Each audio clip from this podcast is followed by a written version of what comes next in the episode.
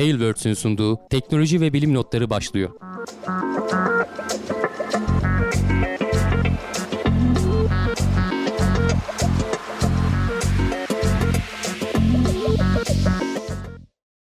Teknoloji ve bilim notlarına hoş geldiniz. Ben Hamdi Kellecioğlu. Karşımda Volkan Ekmen var. Her hafta olduğu gibi teknoloji ve bilim dünyasından haberlerle karşınızdayız.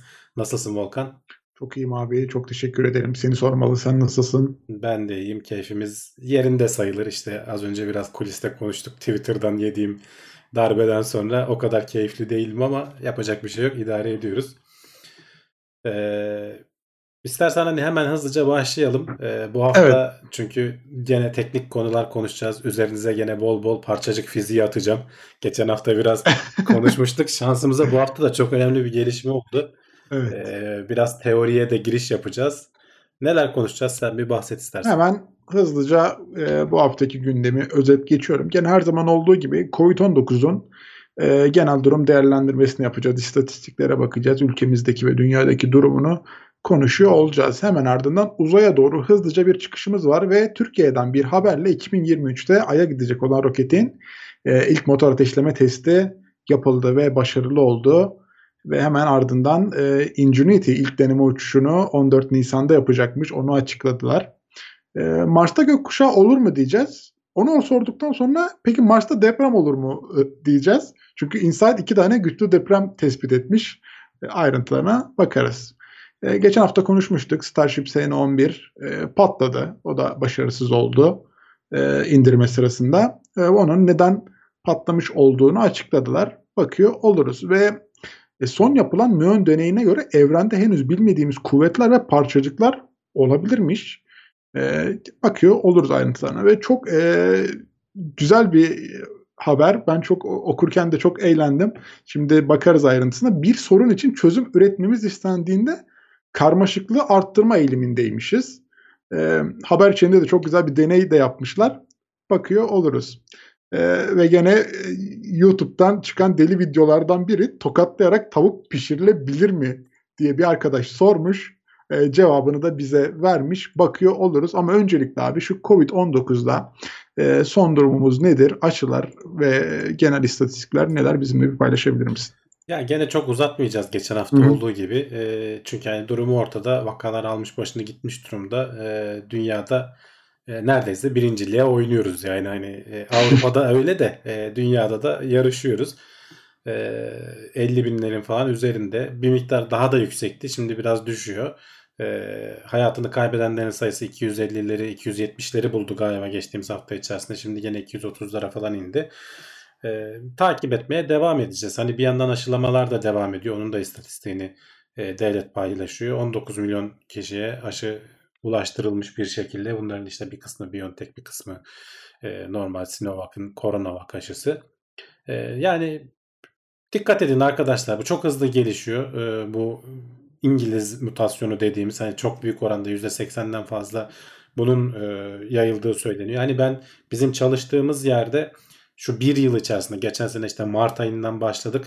Bu yılın Mart ayına kadar 3-4 vakadan hani orada bir vaka çıktığı zaman bize mail atıyorlar. Hani böyle şöyle bir vaka tespit edildi dezenfekte yapacağız falan filan işte e, şeklinde.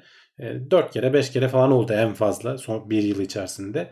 Geçen hafta içerisinde 4 tane vaka tespit edildi. Yani sadece bir hafta içerisinde. Şu anda hani salgın e, yani freni patlamış yokuş aşağı giden kamyon gibi e, bunun yani iyi gidiyorduk yönetimini iyi yapamadık açıkçası son anda öyle söyleyeyim. E, o yüzden tamam en azından hani yaşlıların falan aşılanmış olması e, biraz daha e, riski bir miktar azaltıyor olsa da e, buraya kadar hani yakalanmadıysanız şöyle birkaç ay daha idare edip önümüzde Ramazan artık hani yarın da Ramazan'ın ilk günü ee, evet. Orada hayırlı olsun diyelim herkese. Aynen. Ee, o arada belki de muhtemelen de zaten hani Cumhurbaşkanı yarın bir şeyler açıklayacak. Bugün bilim kurulu toplandı. Toplandı. Ee, ben takip edemedim. Sağlık Bakanı bir şeyler söyledi mi ekstra bir açıklama yaptı mı ama hani zaten yapılacak şey belli aslında. Hani kapanın diyecek. Zaten hafta sonları e, cumartesi falan da e, şey oldu. E, ne denir? Tatil tatil diyorum serbestlik vardı. Onu da çoktan kaldırdılar. Her taraf kırmızı oldu. O Türkiye haritasını gözünün önünüze getirirseniz. Ee, bakalım yani takip etmeye devam edeceğiz. e, Ramazan'da muhtemelen hani ciddi bir kapanışla bugün Rusya'dan falan bir açıklama geldi. İşte e, turizm Türkiye'deki vakaların çok artmasından dolayı turistlerin işte şeyini uçuşları mı e- ertelemişler bir ay bir buçuk ay.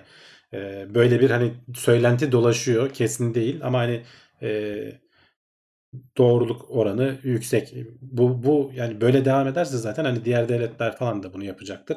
Tam turizm sezonu olacağı sırada e, şeyi yaşarız. Hani burada çok ciddi sıkıntı yaşarız. Devletin belli ki e, parası tamamen bitti. Bu kısa öde, ödemeleri, ödenekleri vesaireleri falan da e, kestiler. E, bildiğim kadarıyla tekrar yenilenmedi onlar. E, yani yapacak bir şey yok. Herkes başının çaresine baksın durumu var şu anda. E, biraz daha hani şöyle 1-2 ay daha e, evlerde kapanmaya devam.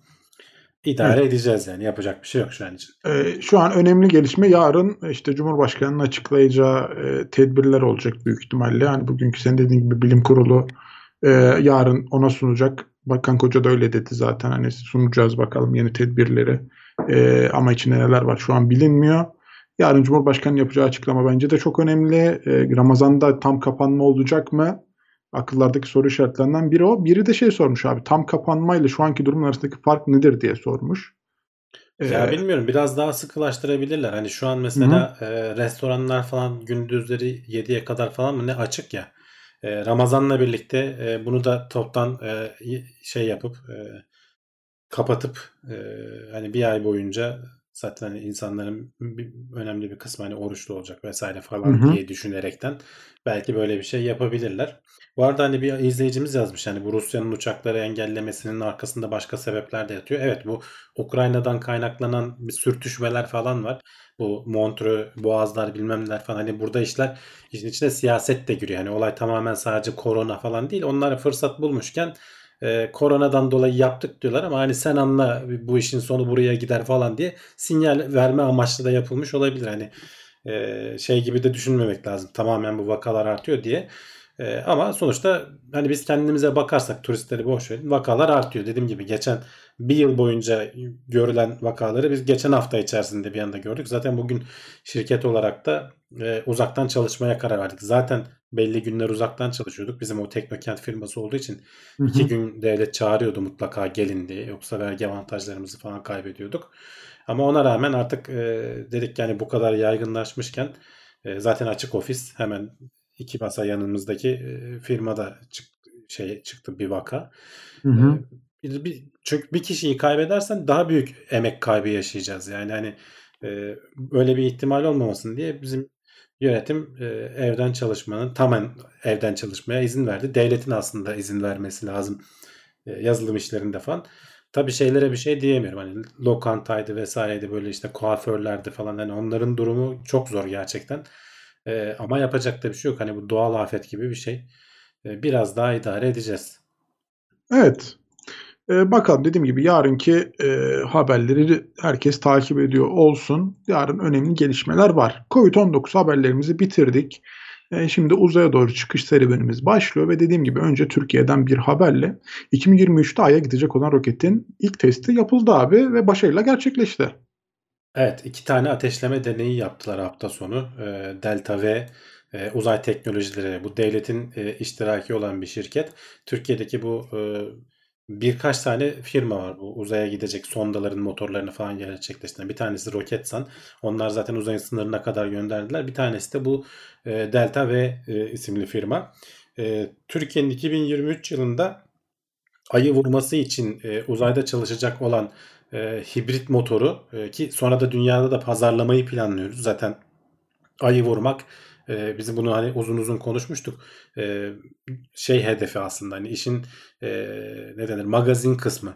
Asıl bu roketi geliştirip buna uzayda çalışmış e, bir zaman kazandırmak. Onlar da öyle söyler. Hani biz bunu e, tecrübelendireceğiz, zamanlandıracağız, yıllandıracağız bu roket motorunu diyorlar. Çünkü diğer ülkeler falan vesaire e, ne kadar motorun çalışma süresi varsa, ne kadar tecrübesi varsa o kadar kolay pazarlayabiliyorsun. E, bununla ilgili görüntüler de paylaşmışlar. Ben onu da gireyim bir yandan. E, şu görüntü süper. Birazdan ekrana gelecek. E, Mustafa Varank'ın arkada roket böyle hala ateşlenirken e, böyle okey işareti yaptığı bir şey var. E, süper görüntü olmuş o. Tabii ki hani herhalde güvenli bir şekilde yaklaşmıştır yanına diyorum. Bu arkada görünen sonda roketi hibrit e, motorlu. iki tane ikisi de hibrit motoru. Bu Delta V'nin odaklandığı nokta hibrit motorlar. Hibrit motor neydi? Katı yakıt kullanılıyor ama oxidizer dediğimiz işte oksitleyici madde e, bu arkadakinde sıvı oksijen. Bu e, yüzeyden fırlatılıp uzayın yükse- şeyine kadar sınırına kadar e, sonda roketi işte yani yörüngeye yerleştiremiyorsun ama e, yüzeyden belli bir yüksekliğe kadar e, şey taşımana izin veriyor. Belli yük taşımana izin veriyor. E, şöyle biraz ilerleteyim. E, ateşleme anını da gösterelim. E, bu e, Mayıs ayında bu sonda roketinin e, Sinop'tan bir e, şeyi daha olacakmış. E, ateşleme fırlatma denemesi olacakmış. E, bu statik ateşleme dediğimiz yani sabit yere sabitlenmişken ateşleniyor. 50 saniye falan çalıştırdılar bu roket motorunu ve e, istenilen güce, istenilen bütün değerlere ulaştıkları söyleniyor. Bu bu motorun daha önce başka ateşlemeleri oldu bu arada. İlk değil. E, bu uzun süredir tekrar tekrar ateşlenip e, her türlü testler yapıyor ama en uzun ateşlemesi gerçekleşti diyebiliriz. Klasmanında da bu hibrit roketler arasında da hani en büyüğü ve en güçlüsü olduğu söyleniyor. Yani en güçlülerinden biri diyelim olduğu söyleniyor. Biz hani e, nasıl hani bu e, şeyde e, insansız hava araçlarında böyle bir anahtar bir yer bulduk. Orada böyle kendimizi geliştirdik. Bu uzay teknolojilerinde de hani SpaceX'in yaptığını doğrudan yapmak yerine orada böyle bir boşluk bulup e, o teknoloji üzerine gidiyoruz gibi bir yaklaşım var. Bu hibrit roketler biraz öyle. E, ikinci ateşlenen e, deneme ise şu arka tarafta görülen e, yatay bir şekilde ateşlendi o. Uzayda çalışıp e, nasıl yapılacaktı o ayı vurma hedefimiz? E, dünyanın yörüngesine işte bu SpaceX'le muhtemelen veya başka bir firmayla e, bizim aracımız taşınacak. Uzayda bir ateşleme yapıp biz Ay'a, dünyanın yörüngesinden kurtulup Ay'a yerleşeceğiz. İşte o motor bu motor. Bunun ilk ateşlemesiydi. Bu da yani yaklaşık 50 saniye falan civarında çalıştı. Bunun da e, verilerinin çok iyi olduğunu söylüyorlar. Daha çok çok ateşleme yapılacak. E, önemli bir gelişmeler oldukça biz gene konuşuruz. E, şu an için hedeflemelere doğru adımlarla ilerliyoruz diyorlar yetkililer. Bakalım inşallah hani biz de 2023 yılında bunu görürüz diyelim. Ee, SpaceX'i görünce bu biraz komik geldi falan demişler ama klasmanlar çok farklı yani ikisinin E, tabii, e, tabii. birbiriyle olan e, şeyi biri işte e, aya yük götürmek üzerine kuruluyken e, diğeri sadece e, belki de çok küçük bir işte bir tanesi yani şöyle söyleyeyim. Bunların ikisi de dünyanın hani yüzeyinden yörüngeye çıkacak kapasitede değiller. O güçte değiller zaten. evet Onu da hedeflemiyoruz. O ilerideki sonraki projeler. Ee, SpaceX de hani buraya sıfırdan gelmedi. Sonuçta arkasında e, onlarca yıllık NASA'nın tecrübesiyle buralara gelebildiler. Biz bunları kendimiz ediniyoruz şu anda. Orada da dediğim gibi böyle niş bir yer bulundu. Ee, bu roket motorlarının belli avantajları var. Onların hani ihtiyaç duyulan firmalara e, bu motorlar belki pazarlanır. Belki yarın bir gün daha büyükleri yapılır. E, gerçekten yüzeyden e, kendi e, şeyimizi, e, uydumuzu gökyüzüne taşıyabileceğimiz, yörüngeye taşıyabileceğimiz e, şeyler geliştirilir ama bunlar ilk adımlar. Daha burada tabii. yani şöyle düşün 2000'li yılların başında bu Bayraktar vesaire falan neler yapıyordu. Şu anda burada oyuz. Belki bir 20 yıl sonra Delta ve e, uzay teknolojileri çok önemli yerlere gelecek. E, inşallah da öyle olur. E, Ya Bayraktar ilk başta şeyle başladı abi uzaktan kumandalı uçakla yani hani evet, öyle evet. on- Zaten temelde hepsi uzaktan kumandalı uçak yani. uçak aslında. yani ama işte hani bu minyatür haldeyken başladı yani onu kontrol ediyordu. Ee, şimdi bayağı ithalatı e, bayağı yüksek bir kalem oldu yani bizim için. Devamı da olsun. İbrahim Şen demiş ki bunu yaparsak jet motoru da yapabilir miyiz? Yani bunlar birbirinden tamamen alakasız teknolojiler. Ee, yani o da ayrıyeten geliştirilmeye devam ediyor bildiğim kadarıyla. Hani kendi jet motorumuzu geliştirmek için uğraşıyoruz ama bu konularda hep söylenen bir şey var. Onu söyleyeyim. Motoru yapmakta problem yok. Motoru güvenilir bir şekilde yapmakta ve bunu insanlara ispatlamakta problem var. Zaten bu uzay görevinde de onu söylüyorlar. Yani 2023 yılında ayı vurmak falan dediğim gibi magazinel bir şey. Ama orada asıl elde edilecek olan bak kardeşim biz bu roketi yaptık. Bu işte yörüngeye çıktı. Yörüngede ateşledik. Aya kadar gitti e, ve vurdu. Sonra belki başka görevlerle işte şu kadar saat uzayda bu motor çalıştı e, şeklinde bir şeyler söyleyebiliyor olmamız lazım. Yani insanlar buna bakıyorlar. Diğer e, satın almak isteyenler. Evet. Ee, bu şey için de aynı şey. Roket motoru için de aynı şey. Jet motoru için de aynı şey. Helikopter motorunda mesela bildiğim kadarıyla o noktaya geldik. Geçenlerde e, savunma sanayi müsteşarı şeye çıkmıştı. E, teke teke çıkmıştı. Orada anlattı mesela helikopterler konusunda baya baya ilerideyiz. Mesela orada da öyle bir açık bulunmuş. E, o noktada baya geliştirilmiş. Şimdi aynısını uçaklar konusuna uygulamaya çalışıyorlar. İnşallah iyi olur. Yani bunlar sonuçta yüksek teknoloji. Hani hep diyoruz ya Türkiye yüksek teknolojide ilerleyemiyor. İşte bunlar şu anda hani en yüksek teknolojili şeyler dünya üzerinde. İnşallah iyi olur. Desteğimiz tam. Evet, bakalım gelişmeleri takip ediyor olacağız. Mayıs ayında işte Sinop'ta bir fırlatma varmış. Ee, onu da inşallah burada sunarız. Güzel güzel bakıyor oluruz. Şimdi Ingenuity ilk deneme uçuşunu 14 Nisan'da yapacakmış abi. Çok az bir süre kaldı önümüzde. Şöyle aslında dün yapacaktı. 11 Nisan'da yapacaktı. Hedeflenen oydu. Ee, ama denemelerde bir sıkıntı yaşandığı için erken e, yani bir şey e, bu spin denemeleri yapıyor. Döndürü ro- o rotorlarını döndürüyordu full güce ulaşmadan. E, bir sorun var mı yok mu vesaire bunlara bakmak için.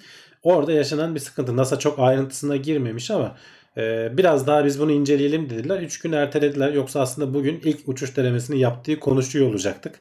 Hani ilk denemede de birkaç haftadır söylüyoruz. Aslında yerden 3 metre yükselecek.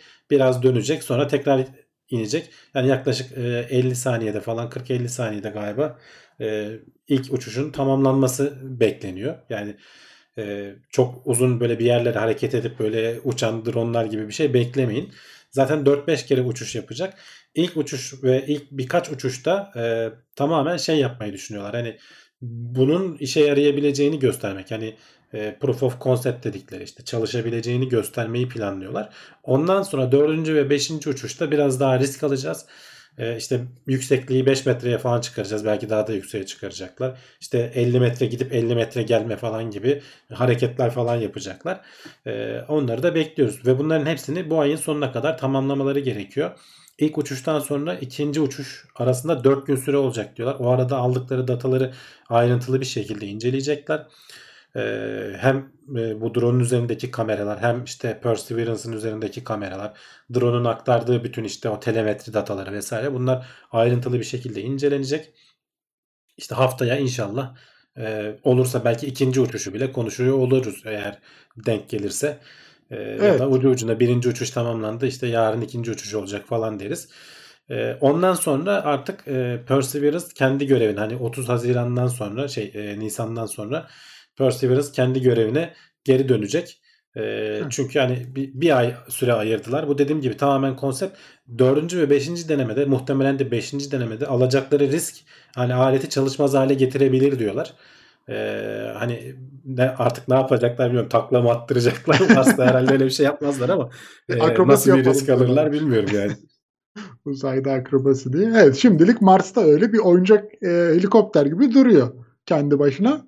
İki Evet. gün sonra bakacağız ayrıntılarına, inceliyor oluruz ve haftaya da sizlerle paylaşıyor oluruz. Denemeler güzel geçerse. Murat Bulat demiş ki bak bizim çocukların uzaktan kumandalı oyuncağı gibi duruyor. Aynen Evet. evet, yani aslında bir farkı yok.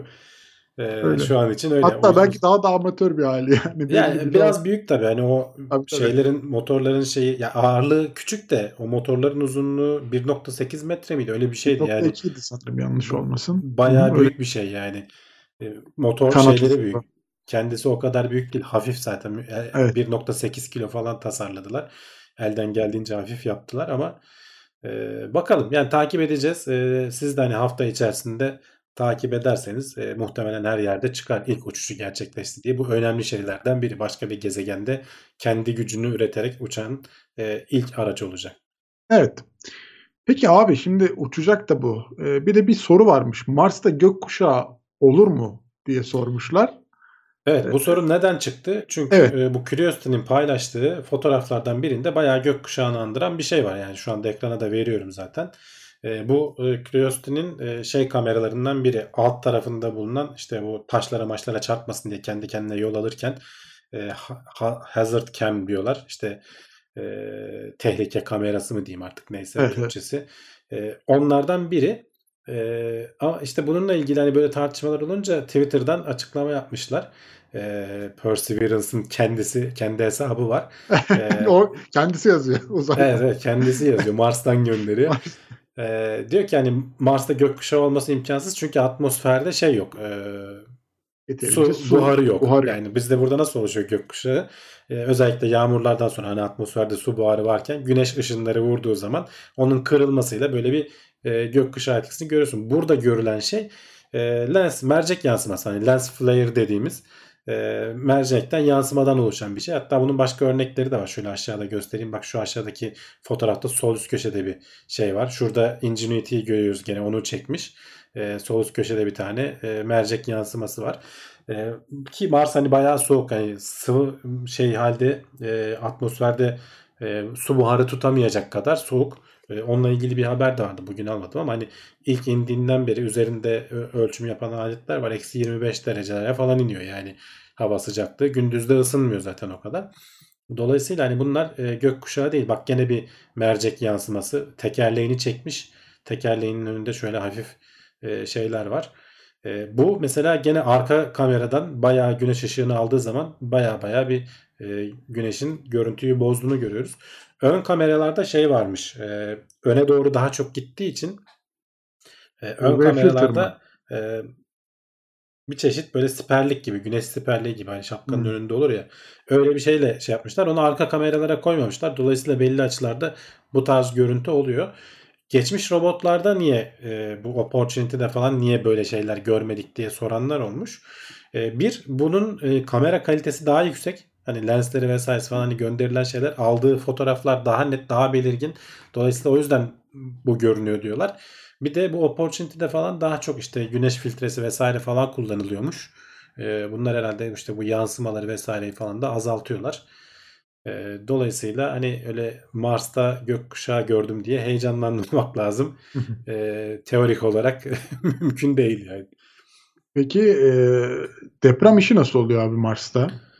E, deprem işi de şöyle e, Mars'ın aslında dünyadaki gibi plakaları yok. Bizde dünyadaki depremlerin çok büyük bir kısmını bu plaka hareketleri oluşturuyor. Tektonik plakalar dediğimiz işte e, bunlar dünyanın içerisindeki magmanın hareketiyle bir şekilde yüzeyin dünyanın kabuğu yüzüyor aslında. Sabit durmuyor. Ne diyoruz hani Amerika kıtası işte gitgide e, diğer şeylere yaklaşıyor. Şimdi hangisi hangisine yaklaşıyor da bilmiyorum da e, Afrika Türkiye'ye girmeye çalışıyor mesela öyle söyleyeyim onu bilmiyoruz. Bizim buradaki depremlerin falan kaynaklanmasının sebebi Afrika'nın gitgide bizi ittirmesi Avrupa'ya doğru ittirmesi aslında. Ee, ve bunlar işte birbirinin altına falan girdikçe depremler oluşuyor. Bir belli bir süre yük birikiyor. Sonra bir anda bir hareketle e, o depremler tetikleniyor. Şimdi bunun dışında başka deprem oluşma mekanizmaları da var. Mesela volkanik aktiviteler. Bir yerde volkan patladığı zaman e, orada işte o yerin altındaki boşalan işte gaz veya işte magma vesaire falan belli hareketlenmelere neden olabiliyor. E, Mars'takiler bunun bundan dolayı oluyormuş daha çok. E, ve bunun işte en son gönderdiğimiz Insight aracı da biz hep e, delici ucunu falan konuştuk. E, ama Insight aracının üzerinde de bayağı hassas bir sismometre var. Bunun için gönderildi zaten. O sürekli ölçümler yapıyor. Küçük küçük titreşimler alıyordu zaten sürekli. Bunlar ama iki tane e, şu geçtiğimiz e, günlerde e, iki tane büyük önemli deprem olmuş. Depremleri geçmişte e, sismometre olmadan da ö, görebiliyorduk. Nasıl görüyorduk? Şu anda ekranda gösterdiğim eee heyelan bölgesi diyelim bu kraterin kenarında e, sürekli aynı yerin fotoğrafını çeken e, uydudan şeyler var uydular var.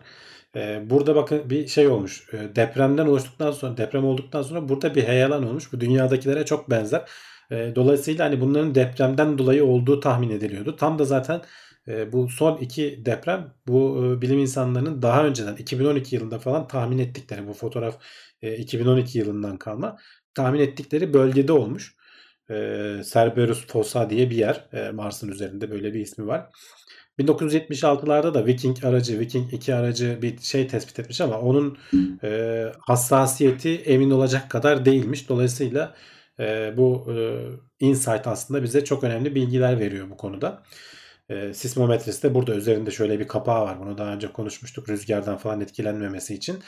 E, şimdi robot kol e, bu kapağın hemen arkasındaki şu bak bir tane kayış gibi bir şey var. Bu kabloları falan işte şeye iletiyor. Bunun üzerine toprak atıyormuş. Toprakla örtmeye çalışıyorlar ki hani rüzgar hareketleri falan titreşimler, rüzgarın sesi vesairesi falan minimuma insin ki biz o, yani o kadar hassas, o kadar daha iyi ölçüm alalım diye. Dolayısıyla bunu kapatmaya çalışıyorlar. Geçtiğimiz haftalarda konuşmuştuk bu arada. Ee, üzerini tozlar kaplamıştı e, Insight'ın hatırlarsan. Ee, hala toz derde devam ediyor. O yüzden bazı araçlarını da kapatmış durumda. Üzerindeki bazı cihazlar e, aktif olarak çalışmıyor. Ya bir işte e, kum fırtınasının gelip temizlemesini bekliyorlar üzerini. E, henüz denk gelmedi. O biraz şanslı işi.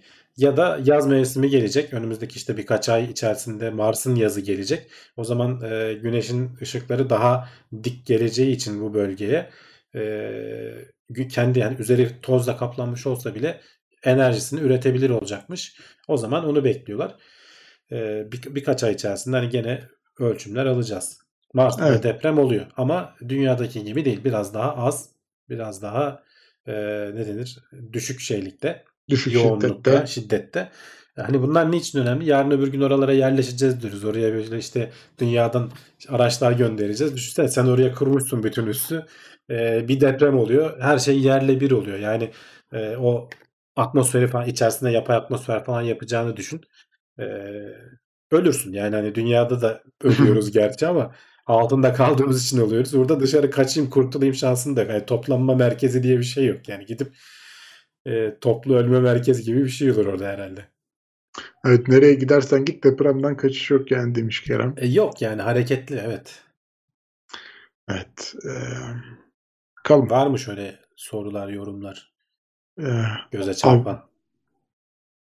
Şey demişler biz Yunanistan'a yaklaşıyoruz şu depremler yüzünden. Evet ee, evet. Avrupa'ya böyle gireceğiz demişler.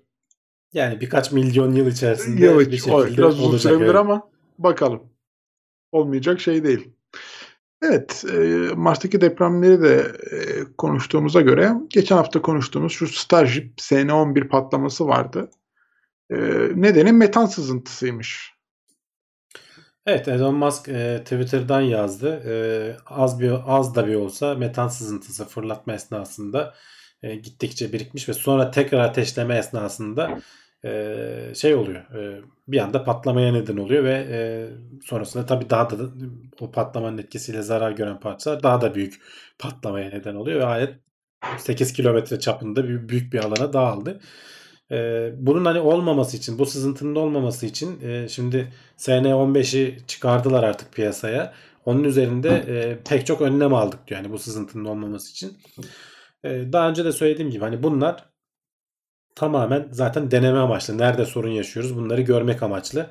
Ee, daha çok e, Starship patlatacaklar. Ee, belki dikey inişi vesaireyi falan başardıktan sonra bu SN20 artık yörüngeye çıkacak. Şu an mesela şeylere maruz kalmıyor. Çok daha yüksek hızlara maruz kalmıyor. O yüzden mesela üzerinde bu e, fırlatılan araçların üzerinde şey var. 3-5 tane şey yerleştiriyorlar. O siyah belki görmüşsünüzdür. Plakalardan yerleştiriyorlar. Öyle çok fazla koymuyorlar. Çünkü e, onun normalde bir yüzeyi e, yere bu göbekleme dalarken yüzeyi e, yere dönük olan yüzeyi bayağı ısınacağı için orayı tamamen o plakalarla kaplayacaklar. Şu anda ama tek tek deneme olsun diye birkaç tane koyuyorlar. Hani ne sonuç verecek. E, dolayısıyla bu SN20'den sonra falan daha böyle yörüngenin üstüne çıkıp geri dönme denemelerinde falan gene bir sürü e, çakılan patlayan vesaire olacaktır. Hani bunları başarsalar bile bize daha buradan çok haber çıkar yani ekmek çıkar. Bu arada hani şeyi de göstereyim. SpaceX'ten yine başka bir e, haber daha vardı bu hafta. E, şey bunlar biliyorsunuz e, Falcon 9'lar ikinci aşamasının e, dış kaporta kısımlarını havada yakalamaya çalışıyorlar. Alttaki böyle ağları, büyük ağları olan gemileriyle. Şu anda ekranda görüyorsunuz. Onlar üzerinde bayağı kendini kontrol edebilen e, araçlar aslında. O dış kaporta dediğimiz bomboş bir şey değil. Pahalı şeyler. Dolayısıyla tuzlu suya girmeden bunları böyle havada yakalamaya çalışıyorlardı ama bu yakalama işi çoğu zaman başarılı olmuyordu. Ee, bu mesela ekrandaki başarılı denemelerden biri. Ee, yakalıyorlar ama işte sonra rüzgarlardan işte denizin koşulları izin vermiyor. Ee, şey oluyor. Bazısı yakalanıyor ama işte sonra rüzgar esiyor. Paraşüt ayrılmadığı için tekrar uçuruyor götürüyor suya düşürüyor falan. Böyle şeyler çok yaşandı. Ee, şey yaptılar bu iki tane bu büyük ağlı gemiden vazgeçtiler. Artık yakalamaya uğraşmayacaklar. Bunun bir manası olmadığını karar verdiler. Denize düştükten sonra denizden alacaklar. Zaten hani yakalayamazlarsa denize düşüyordu. Denizden geri topluyorlardı. O tuzlu suyun etkisinin e, o kadar olmadığını, onun etkilerini giderecek herhalde yöntemler mi buldular ya da işte bu uğraştıklarına değmediklerine mi karar verdiler? bu da bir tecrübe. Yani sonuçta bunları yakalamaya çalışmak da e, bir problem. Yakaladığın evet. zaman deyip değmeyeceğine karar vermek de bir problem. Yani yapmadan etmeden bilemiyorsun nelerle karşılaşacağını. Bu da bir tecrübe, önemli bir tecrübe. E, tabii canım ya o kadar emek harcıyorsun, zaman harcıyorsun, iş yükü falan filan. Ee, bir de çoğu deneme başarısız olunca vazgeçmeleri gayet e, normal yani. Ya da daha büyük yatırım daha büyük 5-6 tane gemiyi yan yana falan yüzdürmeleri lazım yani. İşte o gemileri artık e, bu arada hani SpaceX'in bayağı da bir gemi filosu var. Yani biz uzay işi gemileriyle falan biliyoruz ama o suyun yüzeyine iniş yapıyor biliyorsunuz şeyler. Tabii. Onları çeken romörkler bilmem neler falan işte bu iki tane geminin e, şeyleri denizden toplayan araçlar vesaire falan. E, o işte kapsül iniyor. E, içinde astronotlar olan onu alan başka bir araç var. SpaceX şimdi işte şey yapıyor. E, gene fırlatma rampasını suyun üzerine eski petrol e, kulelerinden bozma fırlatma rampası yapıyorlar. Evet. iki bayağı, tane almıştı. E, bayağı denizde operasyonu var yani SpaceX'in az değil. Yani çünkü karadan fırlatmada bayağı bir izin almaları falan filan gerekiyordu. E, denize taşımaya çalışmaları gayet e, normal oradaki e, fırlatma işlerini. Yani hem tabii gürültüyü falan azaltmış oluyorsun. Çünkü orada işte yerleşim yeri vesaire falan yakınında da bir dert. Hem de işte geri inerken falan e, riskleri azaltmış olsun. FAA'den habire izin almak zorunda kalmayacaklar. Ülkeday demiş ki ben ne güzel e, diyordum adamlar vazgeçmişler diye. İşte her zaman o kadar güzellikte olmuyor. Ben size en güzel videosunu buldum. Ee, bazen düşürüyorlar, bazen yakalayamıyorlar. Bazen öyle oluyor ki böyle geminin yanında gidiyor. Gemi bir türlü denk getiremiyor böyle. Hemen yanına düşüyor falan. Ee, vazgeçtiler artık yani gerek yok dediler. Evet. Şimdi e, sıradaki haberimiz şeyle alakalı. Parçacık fiziğiyle ama bu seni biraz uzun uzun konuşturacak gibi abi. O yüzden ben şimdi önden şöyle hızlıca bir hatırlatmalarımı yapayım. Sen de orada biraz kendini dinlendir. Şimdi bizi teknoseyir.com sitemiz öncelikle orada e, burada konuştuğumuz bütün haberlerin linklerini bulabilirsiniz. Kaynaklar orada. Oradan ulaşabilirsiniz buna. Ee, aynı zamanda işte bu yayınları seviyorsanız, beğeniyorsanız desteklemek için aşağıdan beğen tuşuna basabilirsiniz. Hatta bakayım şöyle bir 300 kişiyiz. 100 beğeni var mesela. Onu bir hemen hızlıca yükseltebiliriz. Aynı zamanda abone olursanız o da bir şeydir ve e, maddi destekte de bulunmak isterseniz katıldan size uyan bir tercihi seçebilirsiniz. Twitch'te de yayınlar devam ediyor. Orada da TeknoSeyir adıyla Twitch'ten ulaşabilir. Prime aboneliklerinizi ya da normal aboneliklerinizi ya da sadece takip ederek e, kullanabilirsiniz. Yayınları takip edebilirsiniz. Orada da çok güzel oyunlar, içerikler oynanıyor diyelim.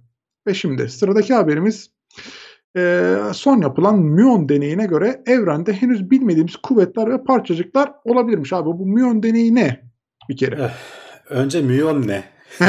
Oradan başlayalım. Şöyle derin bir nefes alayım.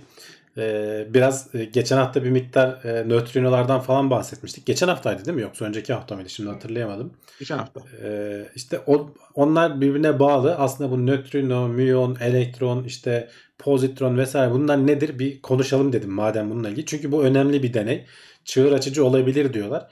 Ee, şu anda ekranda gördüğünüz Fermilab. E, Amerika'da bir gene parçacık hızlandırıcı. Şu e, gördüğünüz büyük bir mıknatıs aslında. Bu mıknatısla belli manyetik alanlar oluşturup belli ölçümler yapıyorlar. E, ne olduğunu anlatacağım ama önce bir e, parçacıklar nedir? E, bu hangisi nereye giriyor? İşte standart model falan diye bahsediliyor. O nedir? Biraz ondan bahsedelim. Şöyle ekranı bir ayarlayayım. Şöyle biraz küçük oldu ama. Şimdi bu e, standart model dediğimiz e, bizim temel parçacıklar dediğimiz evrendeki e, her şeyin yapı taşı olarak e, 1900'lü yılların başından beri oluştura geldiğimiz en son işte 1960'larda 70'lerde son hali verilen e, model. Evrenle ilgili modelimiz. Şimdi e, ne oluyor? 1900'lü yıllara kadar e, önce şeyi anlatalım. Molekül nedir? Atom nedir? E, bu atomların altındaki parçacıklar nedir? Şimdi molekül bir e, bileşiğin yani birden fazla atomun oluşturduğu bileşiklerin en küçük yapı taşı. Mesela su bir molekül H2O. Bunu daha alt parçalara biliyorsun, bilebiliyorsun işte. Hem hidrojeni hem oksijeni var. Hidrojenle oksijenler atom, elementler dediğimiz. Bunlardan da işte yüzün üzerinde element var. Periyodik tabloyu hatırlayın. Bunlar biz 1900'lerin başına kadar işte bir tane bir atom var e, ve işte bu atomlar parçalanamaz olarak düşünüyorduk. Ama sonra zaman içerisinde bunun öyle olmadığını gördük.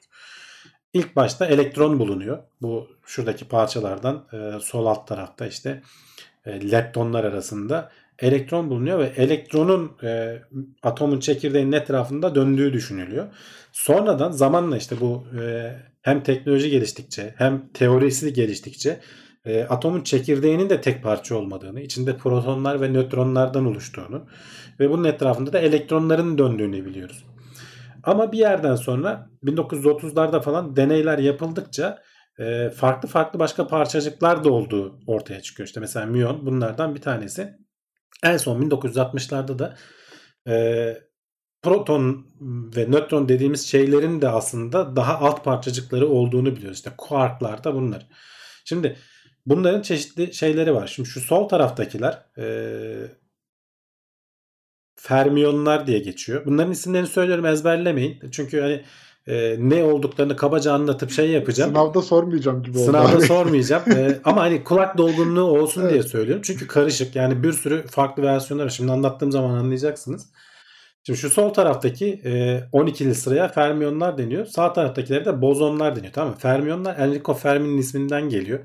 Onun attığı teoriye uyduğu için, onu onur, onore etmek için verilmiş. Bozonlar da Boz e, diye bir Hintli galiba bir şeyci var, fizikçi var. Bose-Einstein diye duymuşsunuzdur belki. E, onun isminden geliyor. Bu bozonlar e, evrendeki temel kuvvetlerin taşıyıcıları. E, Higgs bozonu falan diye hani çok bahsettik. E, Nobel ödülü falan verildi. E, birazdan bahsedeceğim ondan da. Şu sol taraftakiler de maddeyi oluşturan şeyler. Şimdi bunların 3 jenerasyonu var. Biz ilk başta bu kuarklar, kuark dediğimiz e, işte bunların da isimleri mesela up kuark, down kuark. Yani bunları yukarı aşağı diye isimlendirmişler ama şey gibi düşünmeyin. E, yukarı ile aşağı ile bir ilgisi yok. Yani öyle isimlendirmiş. Bunun bir sebebi vardır muhtemelen. Bulan adam bir şeyden dolayı böyle isimlendirmiştir. Mesela diğer kuarklar var. Charm ve Strange diye. E, bir tane de top ve bottom diye var. Yani yukarı ve üst alt işte yukarı aşağı e, ne bileyim sevimli garip falan diye isimler vermişler. E, bu kuarklarda şu sol taraftaki dikine olan kolon e, birinci nesil e, ortadaki kolon ikinci nesil e, hemen sağındaki kolon da üçüncü nesil diye geçiyor. Şimdi evrende gördüğümüz maddelerin çok, bütün yani çok çok büyük bir bir kısmı şu birinci nesilden oluşuyor. Yani bizim protonlar e, iki up bir down mesela. Nötronlar iki down bir up kuarktan oluşuyor. E, elektron zaten kendi başına e, bir e, temel parçacık. Bir de işte elektron nötrino diye geçen hafta konuştuğumuz hiçbir şeyle etkileşime girmeyen, yükü olmayan e, ve milyarlarca üret şu anda bile üzerimizden geçen parçacıklar var. Çok küçük. E, dolayısıyla te- tespit etmesi çok zor. Bu e, şeylerin e, yükleri var. Elektrik yükleri var. 2 bölü 3 oranında. Bir, bir elektronun 2 bölü 3 oranında. İşte iki tane up bir tane down bir araya geldiği zaman ne olur? 4 bölü 3'ten 1 bölü 3'ü çıkarırsan eksi 1 bölü 3. 3 bölü 3 oluyor. Dolayısıyla artı 1 yani pozitif oluyor. Proton pozitifliği buradan geliyor. Ee, nötronun da aynı şekilde 2 down bir quark gene matematiğini yaptığın zaman nötr oluyor. Yani eksi 2 e, artı 2'yi götürüyor. E, nötron da dolayısıyla nötr oluyor. Elektron zaten eksi 1'di.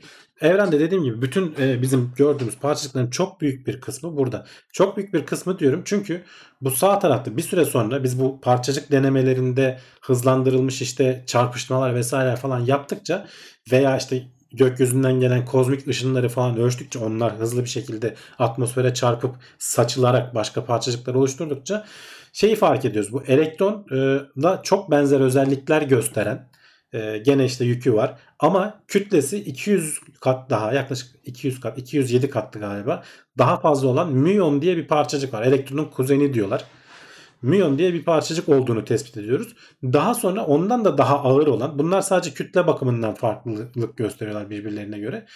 tau parçacığı denilen bir başka parçacık daha keşfediliyor. Aynı şekilde kuarklar için de geçerli. Bu birinci nesil kuarklardan ikinci nesile geçerken bunların kütleleri artarak gidiyor.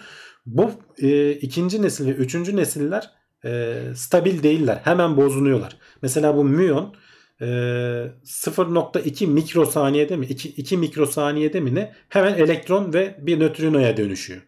Yani bunlar da öyle çok, çok fazla uzun süreli kalan hayatta kalan par- şeyler ile parçacıklar değiller. Şimdi bunlar e, maddeyi oluşturuyor dedik. Sağ taraftaki e, bozon dediğimizde evrendeki dört temel e, güç olduğunu biliyoruz. Kuvvet olduğunu biliyoruz.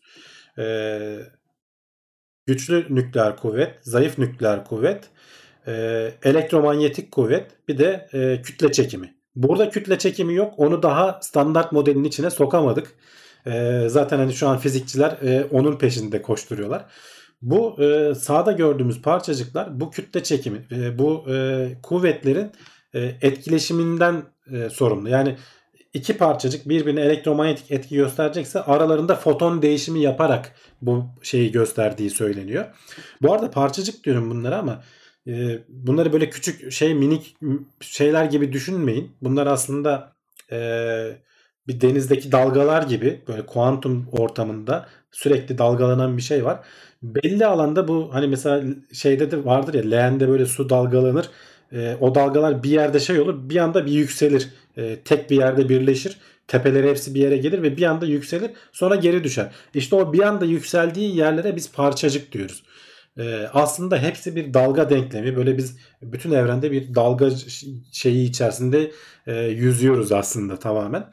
E, ismi parçacık diye geçiyor ama aslında hani bunların bir parça demek yanlış olur. Bunun dışında başka şeyler de var. Bunların isimlendirmesi mesela spinlerinden falan da bahsediyoruz. Bunlar dönüyor gibi e, al, algılanıyor ama aslında dönmüyorlar. E, bu doğalarından gelen bir şey. Biz isimlendirmek zorunda kaldığımız için e, birbirimize veriyi iletebilmek adına e, böyle şeyler vermişiz. Mesela bunların daha da karmaşık versiyonları var. Oraya girmeyeceğim. E, Quantum Chromo e, Dynamics diye renklendirmişler. Mesela bu kuarkların 3 tane renkli versiyonları var. E, kırmızı, yeşil, mavi diye ama bildiğimiz anlamda renk değil. Bunlar sadece belli şartlarda bir araya gelip şey oluşturuyorlar. Şimdi evrendeki bizim standart model dediğimiz bu ve bu 1960'lardan 70'lerden beri değişmedi. Ee, çok ufak tefek şeyler hariç.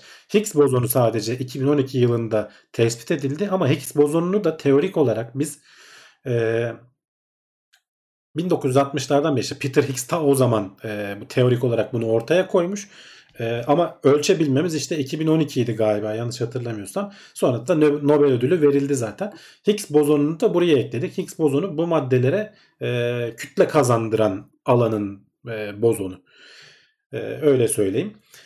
Bunların dışında e, az önce ne dedik? E, işte mesela e, isim başka şeyler de var. Standart model içerisinde bu e, sağ taraftaki kuvvetlerin sol taraftaki maddelerle etkileşip etkileşmemesine bağlı olarak farklı sınıflandırmalar da. Mesela hadron diye belki kelime duymuşsunuzdur.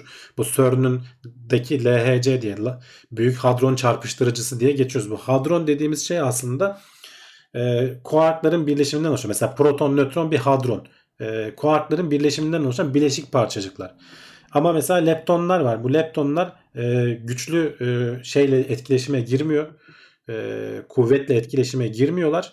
E, o yüzden onların onlara lepton olarak isimlendirilmiş. Yani bunların bin tane ayrıntısı var. Bu hadronlar da alt parçalara ayrılıyor. Baryonlar, mezonlar vesaire falan. Son derece karmaşık e, bir şey. Öyle akılda da kolay kolay kalmıyor. Ama bu e, çok standart model adı üzerinde e, yıllardır test edilmiş doğru sonuçlar veren buradaki işte ölçümlerle vesaire falan birebir uyuşan parçacık hızlandırıcıda binlerce kere test edilen ve e, tahmin ettiğimiz sonuçları alabildiğimiz bir şey e, model diyelim. Şimdi bu haber neden önemli? E, bu son yapılan deneydeki fark ne? E, bu miyonlar e, burada hızlandırılıp e, şey yapılırken müyonların az önce spin demiştim. Bu dönüş e, şeyleri e, topaç gibi düşünün. e, veya dünyayı düşünün. Bu topaç hızlı dönerken böyle hafif yalpalamaya başlar. E, dönüş şeyini bozmaz. Dönmeye devam eder ama hafif böyle yalpalamaya başlar. Bu dünyanın dönmesiyle alakalı bir şey. Uzayda olsa aynı şekilde dönmeye devam edecekti. Şimdi bunlar da müyonlar da aynı şekilde dönebiliyorlar ya bunların ne kadar dönebileceklerini e, biz teorik olarak biliyoruz. Yaklaşık birkaç yıl önce 170'ten fazla fizikçi bir araya gelmiş. Çok hassas e, hesaplamalarla e, bu e, gyromagnetic constant denilen bir şey var. G, G2 denilen bir şey var. E, bunun değerini hesaplamışlar. 2.000 diye böyle 2'den sonra e, 11. haneye kadar giden bir sayı. 2 diye geçiyor. Kabaca biz 2 diyelim. G2 değerini hesaplamışlar. Sonra da bunun e, şeyini ölçüyorlar. Buradan ne kadar saptığını ölçüyorlar. Ha bu arada şunu söyleyeyim. Bu deney 2001 yılında yapılmış. Brookhaven e, Ulusal Laboratuvarında Amerika'da. Orada olması gerekenden bu iki değerinden bir miktar sapma olduğu ölçülmüş. Ama e, oradaki alet bu işte hızlandırıcı o kadar hassas olmadığı için ya biz bu deneyi daha sonra tekrar edelim emin olamadık demişler. Aradan 20 yıl geçmiş. Bunun hesabı kitabı yapılmış. Bu arada şey e, onu da göstereyim bu şu sağ taraftaki New York'ta Brookhaven Enstitüsü'nden sol taraftaki Fermilab'a taşınması gerekiyor. Şöyle devasa bir mıknatıs. Onun videosunu da göstereyim. O e, devasa mıknatıs şuradaki mıknatıs. Şu mavi alan e, koca bir mıknatıstan oluşuyor. Onu bayağı kamyonun üzerine yüklüyorlar. E, şey yapıyorlar. Sonra denizin kenarına getiriyorlar. O yüzden e, denizden taşıması nispeten kolay olur diye. E, son derece yavaş bir şekilde yani çok e, büyük göç diyorlar buna zaten. Hakikaten devasa bir şeyi e, yaklaşık 4000-5000 kilometre öteye taşıyorlar. Yol yapıyor yani. Aslında hani yandan baktığın zaman yol o kadar uzun değil. Şuradan şuraya gitmek ama böyle dolaylı bir yol izlemek herhalde daha kolay gelmiş. 3200 mil diyorlar. İşte hesaplarsan yaklaşık 4500-5000 kilometre falan yapar. Fermilab'da bunu aldıktan sonra bunun şeylerini yapmaya başlıyor. Testlerini yapmaya başlıyor ve ilk sonuçlarını işte geçtiğimiz aylarda e, alıyoruz. Bu arada testleri de e, körlemesine yapıyorlar. E, sonuçları etkilememek adına. Bütün ölçümleri alıp e, sonra e, zarflar gizlenmiş e, Fermilab'da bir yerde. Zarfları alıp zarfları açtıktan sonra şeylerin önünde yaklaşık 200 tane bilim insanının önünde e, şeye giriliyor Excel chartına veya işte Python e, şeyine. Sonuçlar bir anda ortaya çıkıyor ve herkes böyle o falan oluyor. Hani aynı şeydeki gibi NASA'nın e, şeye indirmesi gibi ne denir? E, Perseverance'ı indirdiğindeki o odadaki herkesin alkışlaması gibi düşün. Bunlar da aynısını yaşıyorlar. Zaten bu haberde de şeyden bahsetmişler. Bu bizim işte Curiosity'yi indirdiğimiz an gibi. Yani bu bizim Mars'a iniş anımız gibi bu deneyin sonuçları. Beklediğimizden farklı oranda e, sonuçlar çıktı. Yani beklediğimiz sapmadan daha büyük bir sapma var. Niye? O, o da şöyle söyleyeyim. Hala şey pay, şeyini veriyorlar bilim insanları. Ee, emin olmama yani bunu biz daha ayrıntılı incelememeliyiz diye veriyorlar. Niye? Çünkü e, bu parçacıkların bulunduğunu şey yapman için 5 sigma denilen 5 e, standart sapmaya kadar hassasiyette bir ölçüm yapman lazım. Bak şurada yazıyor 5 sigmanın değerini. %99.99999.94 oranında bir hassasiyetle ölçmen lazım. Peki bu adamların ölçümü ne kadar dersen 4.2 sigma. Yani yaptıkları ölçüm %99.994 hassasiyetinde ölçmüşler zaten. Ama 5'i geçmediği için diyorlar ki yani biz 2001 yılında yaptığımız deneyle aynı sonucu elde ettik. Ee, beklediğimizin işte o beklediğimiz değeri de bulabilirsem aslında e, göstereyim. E, şuradaki videoda bir yerde vardı. Şu. E, beklenilen değer bu işte aslında. 2.0000 şöyle de bir değer. Bu 18'den sonra farklılaşan bir değer ölçülüyor. Ve bu e, sonucu çok etkiliyor. E, bizim bu, bu sonucu neden çok etkiliyor? Az önce söyledim. Bizim bu parçacığın bu kadar hassas e, teorik olarak söyleyebilmemizin sebebi şu. Bu parçacığın nasıl davranacağını biliyoruz. E, ama beklediğimizin yani bizim şu az önce gösterdiğim şeyin dışında bu tablonun dışında bu parçacığa etki eden bir şeyler var ki e, bütün e, olasılıkları er, ortadan kaldırdıktan sonra söylüyorlar. Bizim henüz bilmediğimiz bizim bu standart şeyin dışında ya bir parçacık var bu parçacığın böyle yalpalamasını arttıran ya da bir kuvvet var henüz daha burada şeyi olmayan. O yüzden çok önemli. Yani 1960'lardan beri hiç değişmemiş ve yaklaşık 100 yıldır oluşturula gelen bir şeyde bir farklılık buluyoruz. Bu farklılığı e, deneysel deney setimizden olmadığına emin oluyoruz bu kadar hassasiyetle ölçerek. Yani bu bir şey var. Hani aslında e, az önceki videoda sonunda şey söyler. Yani bir şey bilmediğimizi bildik aslında bulduk yani burada. Yani evrenle ilgili bilmediğimiz yeni bir şeyi keşfettik. Şimdi buna odaklanacaklar. Tabii önce hassasiyeti arttırıp bu 5 sigmanın ötesine geçecekler. E, ondan sonra artık e, belki yeni yeni deneylerle bu müyona etki eden e, şey nedir? E, onu e, anlamaya çalışacaklar.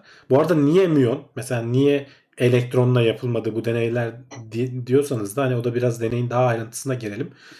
E, bilmiyorum hani çok e, teorik şeyler anla, anlamak zor oluyor olabilir. E, ama hani ne kadar ince bir hassasiyetle uğraştığımızı anlatmak adına bunları e, söylemek istiyorum. Bu müyonların e, daha ağır olduğunu söylemiştim. Bunlar vakum ortamında çok hızlı dönerlerken vakum ortamı tam anlamıyla boş değil. Anlık olarak e, sanal parçacıklar dediğimiz parçacıklar oluşup oluşup yok oluyor. Birbirini yok ediyor. Ve bu sanal parçacıklar bazen öyle müyonların kenarına denk geliyor ki müyonla etkileşime girip sonra tekrar ondan ayrılıp gene yok oluyorlar. İşte o esnada bu e, şeyler e, titrettiriyor, dalgalandırıyor müyonun olduğu yeri. Ve biz bunu o hassasiyetle ölçebiliyoruz. İşte o 2 dediğimiz o G2 dediğimiz o jiroskop 2 dediğimiz değer bu. Oradan daha fazla müyon olmasının sebebi de daha ağır olması. Daha fazla etkileşim etkileşime giriyor ve daha iyi ölçebiliyor olmamız. Ee, bu arada müyon da dedim az önce e, dikkatli dinleyenler fark etmiştir. Müyonlar çok kısa sürede bozuluyor. Bu ikinci jenerasyon parçacıklar 2 mikrosaniyede. Biz bunu 2 mikrosaniyede ölçemiyoruz. Neyi ölçüyoruz? Onların bozulurken oluşturdukları elektron daha doğrusu pozitrona dönüşüyormuş müyonlar. E, pozitron ve e, pozitronun yönünü yani o dönme yönüne göre pozitronların yönünü ölçebiliyoruz. E, oradan bu sonuçları çıkarabiliyoruz. Hani hassasiyet olarak da e, bu %99.999 biraz kafada kalmıyor olabilir. E, şöyle söyleyeyim hani bir futbol sahasının uzunluğunu saç telinin onda biri hassasiyette ölçmek gibi bir şey. O kadar böyle ince hassas bir iş peşinde koşturuyor bilim insanları. Ee, şu şey de çok heyecan verici açıkçası. Yani bu tabloya hiç bilmediğimiz bir şeyin eklenmiş olması veya eklenecek olması hani bilemiyoruz şu anda. Belki de şu an hesaba katamadığımız başka bir şey çıkacak. Ama o da e, eğer öyle olduğunu öğrenirsek de gene bir anlamda elimizdeki standart tablonun ne kadar geçerli olduğunu, ne kadar doğru olduğunu anlamış olacağız. Bu bakımdan evet. e, önemli, çok önemli bir geçme. Hatta şey yani Higgs bozonunun bulunması o zaman biliyorsunuz ne kadar e, olay olmuştu. Gazetelerde vesairede falan konuşulmuştu. Bu o kadar konuşulmadı ben e, duymadım. E, bu onun kadar önemli diyorlar. Onun hatta belki ondan daha önemli diyorlar. Çünkü Higgs bozonunu tahmin edebiliyorduk hani burada olduğunu. Sadece tespit etmesi e, kalmıştı. Burada ne olduğunu da bilmiyoruz. Hani bir ölçtüğümüz şeyle tahminimiz uyuşmuyor. Neden uyuşmadığını bilmiyoruz. Onu bulmamız gerekiyor. Evet. Ee, bayağı derin bir anlatış e, ve araştırma sonucu e, gerçekten de hak ediyor böyle Bu bir. Bu arada şeyi söyleyeyim. Evet. Geçen haftalarda soruyorlardı hani e, kitap önerileri. E, tam da bunları anlatan atom altı parçacıklar dediğimiz e, ben geçmişte okumuştum. Şimdi bunlar olunca tekrar bir açtım şöyle karıştırdım. Steven Weinberg'in kendisi de Nobel ödüllü bir fizikçi. E, TÜBİTAK yayınlarından çıkan hala da satılıyor bu kitap vardı. Ben bunu 2005 yılında almışım ama gördüğüm kadarıyla ve çok da maliyet ucuz. Hani 9 lira bak. 2005 yılındaki fiyatı da 8,5 liraymış. Şimdi de 9-10 liraya satılıyor. E, TÜBİTAK sağ olsun hiç e, bunlara zam yapmıyor. Önemli bir şey. Fena değil. Hani dili çok karmaşık değil. Bu konuları merak ediyorsanız. Çünkü şeyini de anlatıyor. Tarihini de anlatıyor. Nasıl bulunmuş, ne olmuş ee, ama tabii ki hani bu iş basit değil. Az önce ben çok üstün körü anlattım. Bunların bin tane ayrıntısı var. Bu konuları daha merak edenler bu kitabı okusunlar. Ee, ya da e, Tekno sen az önce söyledin. Biz bağlantıları veriyoruz. For the Love of Physics diye bir YouTube kanalı var. Orada bunlar e, onun bu parçacık fiziğiyle ilgili bir oynatma listesi var. Ben onun linkini Tekno Seyir'e koyacağım. Oradan baksınlar. E, orada böyle adım adım Bunlar nedir? Biraz daha böyle hesaba kitaba girerek de hani az önce anlattım ya iki tane up bir tane down birleşiyor işte. O nasıl pozitife dönüşüyor? Çok da karmaşıklaştırmadan. Yoksa bunların dediğim gibi çok çok çok daha karmaşık hesapları vesaireleri falan var. Biz yani bunun yüzde birine ikisine girdik yani öyle söyleyeyim yüzey yüzeyinden. Ama böyle kocaman bir dünya var yani parçacık fiziği denilen. O CERN'de neler yapıyorlar işte bunlarla uğraşıyorlar. Bunları çarpıştırıp e, o anlık saçılan parçacıkların nasıl davrandığını ölçüp oralardan bir şeyler çıkarıyorlar. Fermilab da bunun bir benzerini başka türlü yapıyor. E, ama çok önemli bir gelişmeydi. Yani son hani aylarda tartıştığımız en önemli gelişmelerden biri.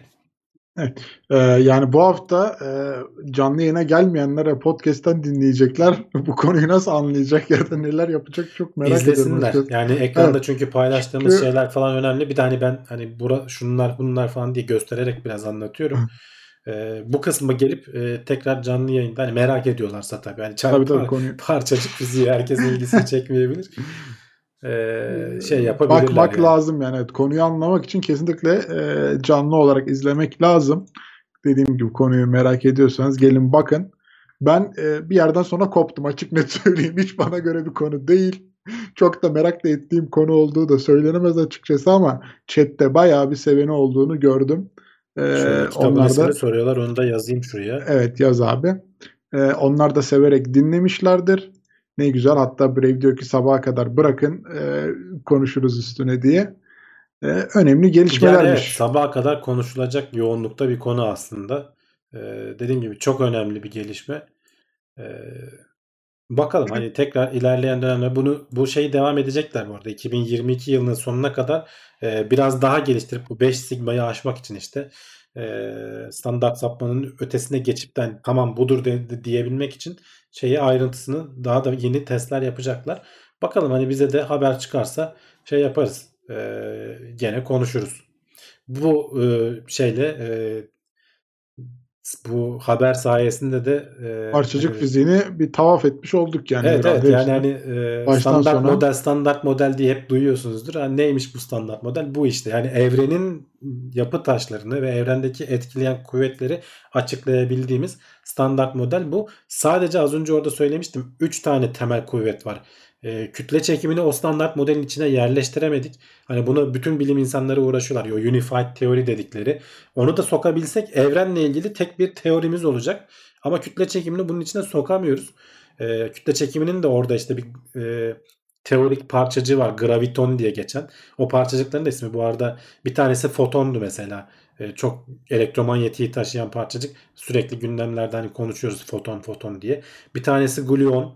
E, parçacıkları bir araya getiren, onları bir ara tutan e, güçlü nükleer kuvvet. İşte onun gibi bir isim vermişler. Graviton diye. Ama dediğim gibi hani şey yanlış olmasın. Bunlar parçacık dediğimiz için böyle küçük küçük dönen misketler gibi düşünmeyin. Öyle değil. Bunlar böyle kuantum dalgalanmaları halinde yaşayan bir arada olan varlıklar. Belli şeyler üst üste denk geldiği zaman orada böyle bir tepe yükselmesi oluyor. Orası parçacık etkisi e, veriyor. E, en herhalde temel anlatabileceğim şey bu. Evet meraklılarına da kitabını da önerdik abi. E, oradan da herhalde ayrıntılarına ulaşabilir. Hatta YouTube, İşte e, YouTube, YouTube'dan veya kitaptan. evet, Hani YouTube'da YouTube pek çok listesi de, kaynak var zaten. e, teknoseyir.com'da olacak. Doğru mu abi? evet, Orada. evet. Oradan ulaşabilirler merak edenler. Oradaki oynatma listesine, YouTube'daki listeye. Ee, sıradaki haberimiz bence daha hoş, daha güzel bir haber. Bunu konuşalım. Ee, bir sorun için çözüm üretmemiz istendiğinde karmaşıklığı arttırma eğilimindeymişiz. Ve çok güzel bir de deney yapmışlar abi bununla alakalı. Evet hani İngilizce bir deyim var. Türkçe'ye nasıl çevrilir tam bilmiyorum ama less is better diye. Yani daha az daha iyidir gibisinden çevirebiliriz. E, o zaman böyle keyfi kaçıyor ama olsun. E, bir şeyi hani basitleştirdikçe daha iyi hale getirirsin gibisinden hani böyle uzak doğu felsefelerini falan da içeren. Ama işte bizim ka- kafa yapımız buna uygun değil. Yani beynimiz öyle çalışmıyor. Ee, bunun neden olduğunu, nasıl olduğunu araştırmışlar. Bununla da ilgili böyle 1585 kişi üzerinde 8 farklı deney yapmışlar. Evet. Çıkarmak Nasıl- yerine ekliyoruz herhalde değil mi abi? Öyle Evet genel olarak evet yani şöyle söyleyeyim hani onun da hani ekranda görüntüsü paylaşayım. Sana bir Lego veriyorlar ve Lego parçası farklı farklı deneyler. Deneylerden bir tanesi Lego parçası. Diyorlar ki bunu işte e, simetrik hale getir mesela. E, sen ne yapıyorsun? Hemen altına bir tane parça ekliyorsun veya işte ama çıkararak da simetrik hale getirebilirsin değil mi? Yani bir şeyin parça eksilterek de simetrik hale getirebilirsin. Evet. Veya şurada başka bir parça vardı onu da bulayım şöyle. Şöyle bir şey yapıyorlar.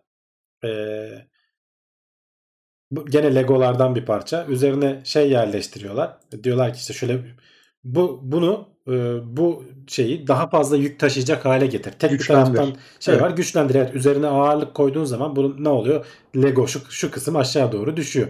Bunu güçlendir diyorlar. İnsanların büyük bir çoğunluğu şimdi ekrandaki gibi önce o üst kısmı çıkarıyor. Sonra yeni köşelere dört tane Lego koyuyor.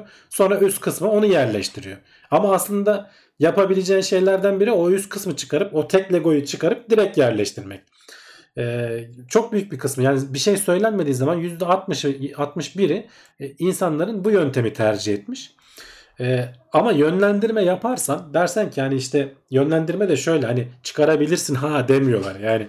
Diyorlar ki parça eklersen 10 sen her bir maliyeti var ama çıkarırsan maliyeti yok. Eksiltirsen maliyet yok diyorlar. O zaman insanlar ha deyip biraz düşünme kafayı yorma yani böyle hafif bir itmeyle parça çıkarmanın da e, gayet mantıklı bir çözüm yolu olduğuna şey yapıyorlar. Sonra şeye karar vermişler. Diyorlar ki biz bunu e, peki kafayı yorarken zorlaştırırsak ne yaparız? Bir ekranda bir e, şekil veriyorlar gene böyle karelerden oluşan. Diyorlar ki bunu simetrik hale getir. Ekleyerek veya çıkararak. Ama bir yandan da üstten şey geçiyor. Böyle bir sayı dizisi geçiyor. E, her 5 olduğunda bir kenara çentik atmanı istiyorlar. Yani kaç tane 5 geçtiğini takip et diyorlar. Senin kafanı yoruyorlar bir yandan. Öyle durumda beynin yorulurken, beyninde bir böyle e, iş yükü varken e, çıkarmayı akıl edemiyor insanlar. Daha çok ekleyerek çözmeyi akıl ediyorlarmış. Yani büyük büyük oranda. E, bu da diyorlar ki hani beynimizin bunun sebeplerini de şöyle açıklıyor. Hani beynimizin yapısı buna bir uygun olabilir. E, iki bir şeyleri hani içgüdüsel olarak bir şeyleri çıkardığımız zaman kötüleştireceğiz hissi e, olur. Dolayısıyla hani statükoyu korumak için hani olan durumu en azından korumak için ekleyelim. Kolay çözüm. E, buna varsayılan olarak buna dönüyor olabiliriz. Kafamız yoğunlaştığı zaman. E, ama işte dediğim gibi insanlar düşündükleri zaman veya şey yaptıkları zaman e, ne denir? E, biraz hafif yönlendirildikleri zaman e, çıkarma oranları e, bayağı ciddi miktarda artıyormuş.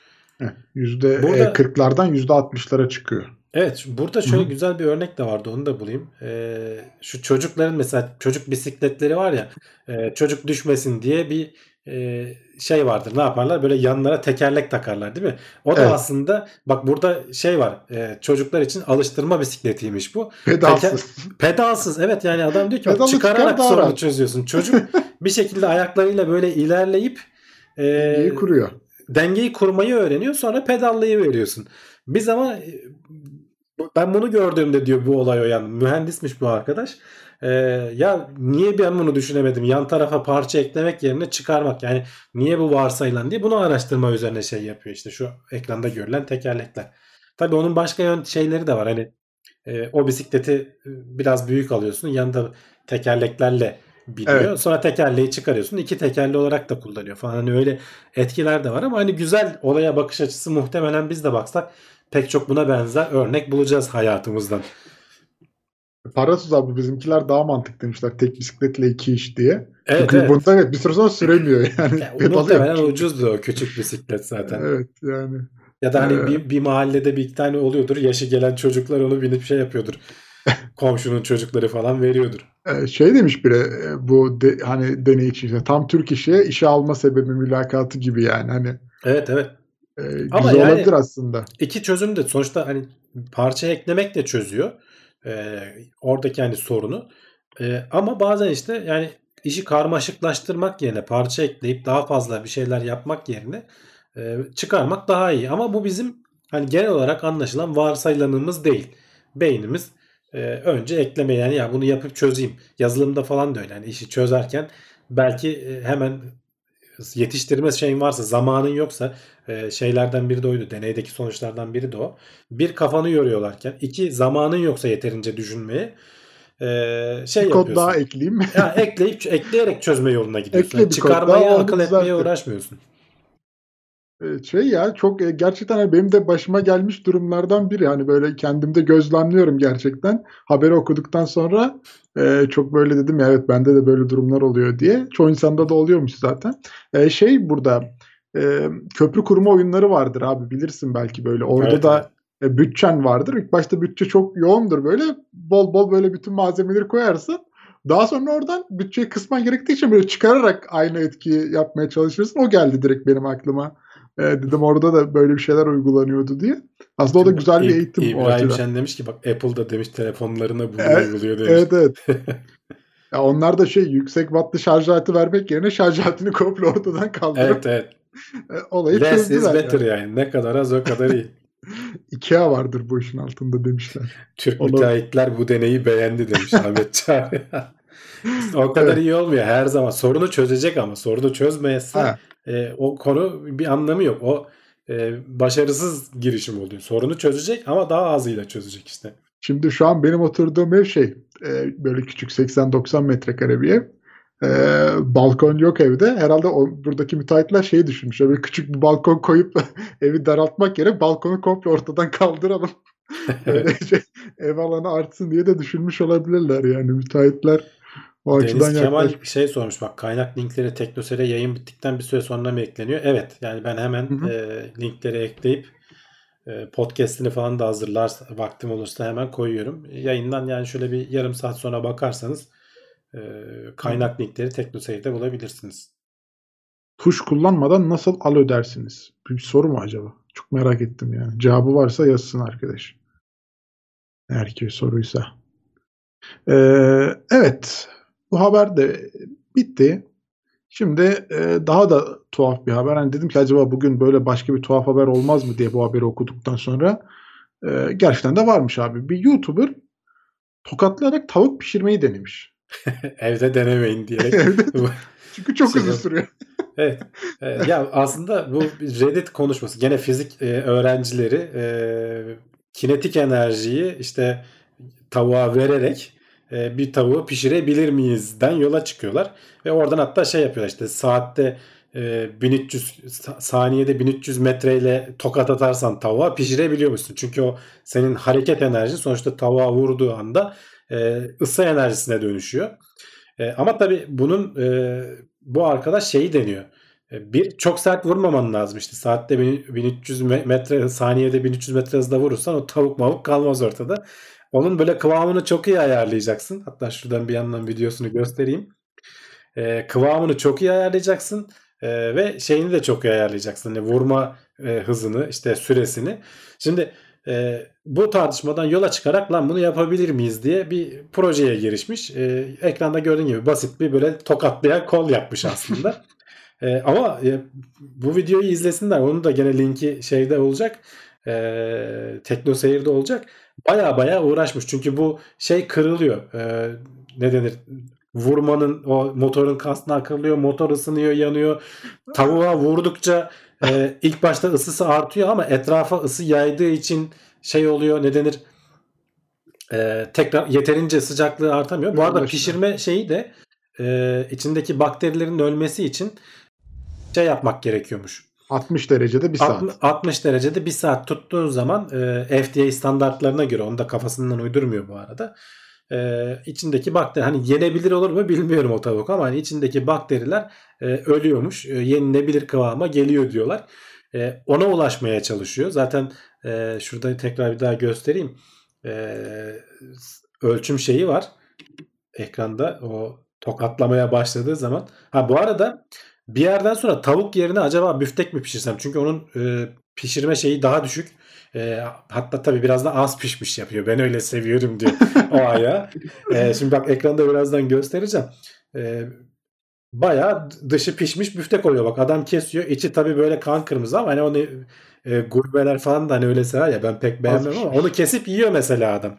Şey diyor dokusu biraz garip diyor. Tabii habire böyle dövüldüğü için et biraz kendini salmış ama yani bayağı böyle su, sulu sulu büftek yani bildiğin adam kıyma haline gelmiş. Köfteye dönmüş yani aslında biraz. Bunu yiyor tavuğu yemiyor. Ben bunu diyor yemeyeceğim ama diyor hani teorik olarak pişirdim diyor yani. Bu arada şey Eyüp Akman Nusret'in sırrı ortaya çıktı demiş. ya öyle şeyler var. Böyle e, Nusret değil de başka bir arkadaş vardı gene böyle e, yayınlara çıkan. Bayağı böyle eti tokatlıyordu, şap şap vuruyordu. Demek ki buymuş yöntem. yani sırrı buradaymış evet. İşte o Ee, tavuğun mesela o ısıyı kaybetmesin diye tavuğu bir böyle e, yalıtı, yalıtkan bir poşetin içine koyuyor. O poşet deliniyor, hava kaçırıyor, bir şeyler oluyor falan vesaire. Baya baya hani aylarca uğraşıyor bunun üzerine. En sonunda başardığını ilan ediyor işte tavuğu e, 60 derecede e, sıcaklığını uzunca bir süre tutmuş. İşte şu sağ altta Evet. altta bak derece görünüyor. Ha bunun sonunda da şeyi söylüyor. Ne kadar e, şeyi hesaplamış. 135 bin tokat e, 8 saat boyunca e, 135 bin tokat ve yaklaşık işte 7500 watt enerji harcayarak parantez içerisinde de söylüyor hani bunu fırında pişirseydik 2-3 kat daha az harcayacaktık muhtemelen diye. E, ama mümkün yani teorik olarak e, sonuçta kinetik enerjiyi sen oraya vurdukça o tavuğun tavuğun işte o kendi içerisinde dalgalanması oluşturduğu sürtünme falan şeyi oluşturuyor. Isınmasına neden oluyor gitgide gitgide. E, eğer iyi yalıtırsan etrafa yaymazsa da o ısıyı işte pişirebiliyorsun. Vurarak pişirme yöntemi. Evet. Bayağı bir uzun sürüyor ama olsun. Ee, çiğ köfteyi de yoğurarak pişiriyorlar ya onu örnek vermişler. Hani Ya tam aynı şey değil tabii. aynı o, şey değil evet. Ya şimdi bu, bu motorun 8 saat boyunca 135 bin tokat atması gibi performansa sen çiğ köftede ulaşamazsın. Çiğ köfteyi çiğ yiyorsun. O içine koyduğun baharat falan biraz işte onunla e, etkileşime girerek biraz pişiriyor diyebiliriz. Hani pişirmek de dediğin de bu arada şey e, ne denir? Biraz daha çiğnemeyi kolaylaştırmak. Biraz da içindeki bakterileri öldürmek aslında. Hani başka bir şey değil. E, o yüzden mesela hani etleri biraz hani dolapta falan tutarlar ya taze et olmasın da. O aslında et biraz bozulmuş oluyor. E, hafif bozulmaya başlıyor. Daha yumuşak oluyor aslında. Deniz Kemal demiş ki et pişirmek için biftek koymuşsa tavuk pişirmek için niye bütün tavuğu koymuş? İlginç demiş çünkü belki bütün demeyi sokamazdı. Evet yani maliyet maliyet yani muhtemelen. evet bir de onu pişmesi de uzun sürebilirdi yani. O yüzden Yani tavuğun da tabii göğsünü koyabilirmiş yani tek başına. Ee, biraz abartmış yani koca tavuğu. Yani biraz da herhalde dikkat çek. İlk başta tabii o kıvamını, vurmanın kıvamını ayarlayana kadar tavuğu birkaç tavuğu telef etmiş yani. Tabii canım ya. Şeye O- çevirmiş. Pe, pestile çevirmiş yani. O zaman şimdi Ersoy Balcı diyor ki bakterileri döverek öldürmek. Evet yani bir, bir yandan Salmonella'yı dövdük diye bir video çıkarabiliriz yani. Evet, bütünden ağır olur demişler. Evet, bu haftanın da ilginç haberi olarak e, ben bunu seçiyorum. Gerçekten. Yani e, Bil- hatta bilimsel haber. Yalan değil adam yani. yalan değil evet. Hatta Hesabını çok kitabını yapmış yani. uzun süre sonra Mühendislik de var işin içinde. biri olabilir. Evet. En son Evet. baktığımda 9 milyonu geçmişti izlemesi. Yani bayağı da popüler olmuş bu video. Tabii canım ya adam deney yapmış ya. Böyle bir deney herkes merak eder yani. Yani. E, bize de konuk oldu buraya kadar geldi. Evet şimdi bu haftaki haberlerimiz e, bu kadardı. E, bence gayet güzel ve eğlenceli bir haber kapanışı oldu ama tabii ki bir yere gitmiyoruz. Şimdi kulis bölümümüz var. Orada biraz soru ve muhabbet yapacağız. Hiçbir yere ayrılmayın. Sponsor videosundan sonra buradayız. Döndük. Evet yani bu eti sonuçta illa pişirmek zorunda değilsin. Mesela kurutarak da yiyebiliyorsun. Küçük küçük kesip eskiden buzdolabı vesaire falan olmadığı dönemlerde etleri kurutmak veya işte az önce bir arkadaş söylemiş e, at, atla eğerin arasına koyup e, orada işte e, pişmesini sağlamak. Biraz da tabii tuzlaman falan gerekiyor. Yani sana zarar verecek bakteriler olmayacak. İlla ki o ette bir bakteri oluyor. Pişirsen de oluyor zaten. Ama işte seni öldürecek bakteri olmaması gerekiyor üz- üzerinde. Asıl sağlamaya çalıştıkları şey bu. Bu arada video izlesinler yani e, adam bayağı uğraşmış. Hani o başından geçen e, serüvenleri tek tek anlatıyor. O e, kasnak kaç kere kırılmış. e, o metal şeyin içi aslında dışı metal içi tahta falan. E, o kolu öyle tasarlamış falan. Bayağı bayağı uğraşmış yani. Brave diyor ki siz anlatırken gitti yukarı ve aşağı kuark isimleri spin yönlerine göre veriliyormuş. E, Yani o dönüş Şöyle ilk başta öyle olabilir de e, şeyler e, ilk iki, iki kuark için diğerleri için ne yapacağız? Hani Charming ne? Şey ne? E, Strange ne? Ya bir sebebi vardır muhtemelen.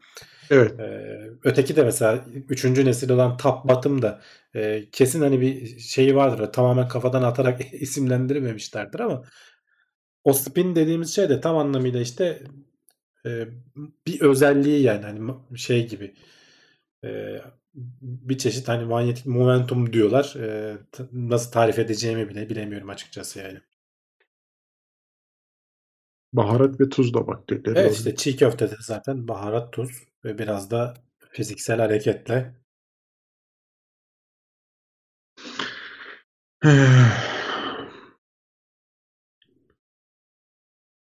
Türk peynirleri bakteriler ölçüsünde geleneksel olarak aşırı tuzlu. Şimdi ihtiyaç olmasına rağmen hala tuzlu peynir yiyoruz.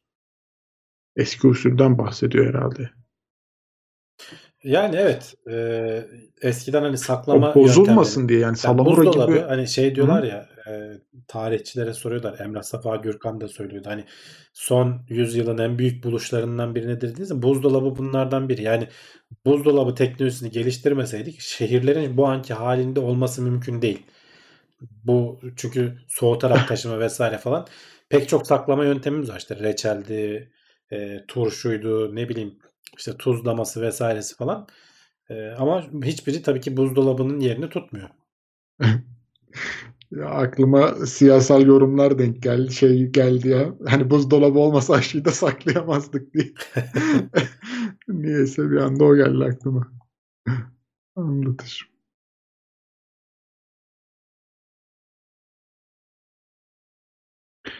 Deniz Kemal demiş ki emeğiniz için teşekkür ederim. Eski yayınları bitirebildiğim artık için artık canlı yayınlara e, katılabiliyorum. Ayrı bir güzelliği varmış. Gerçekten tekrar teşekkürler demiş.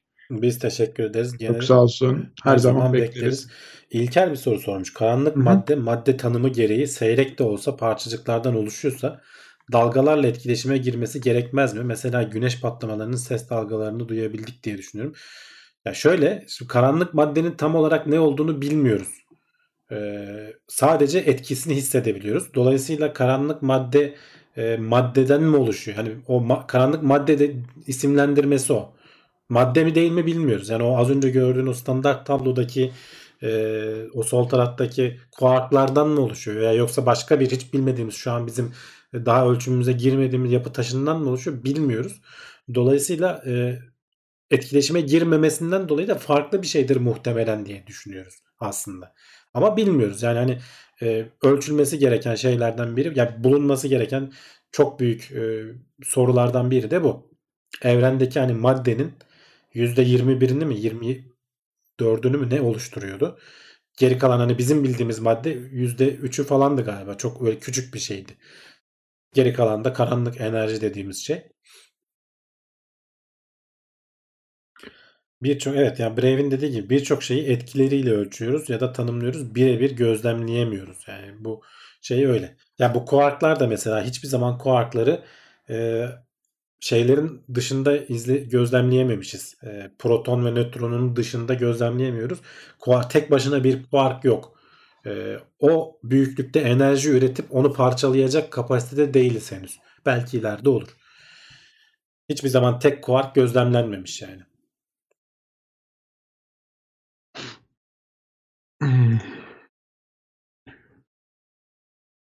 Kosova'dan izliyorum sürekli severek selamlar iletmek istedim demiş Berent Sport'a. Selamlar Bizden de selam da. olsun. Hibrit motorun itiş gücü nedir? Bilgi var mı? Ben haberde görmedim abi. Sen baktın mı öyle bir şeye? Ee, ön, dur önce onun şey İbrahim Şen bir soru sormuş. Jet ve roket motorlarının çalışma prensibi roketin oksijeni kendi içinde taşıması dışında çok farklı değilmiş. Tamamen farklı sistemler demiştiniz.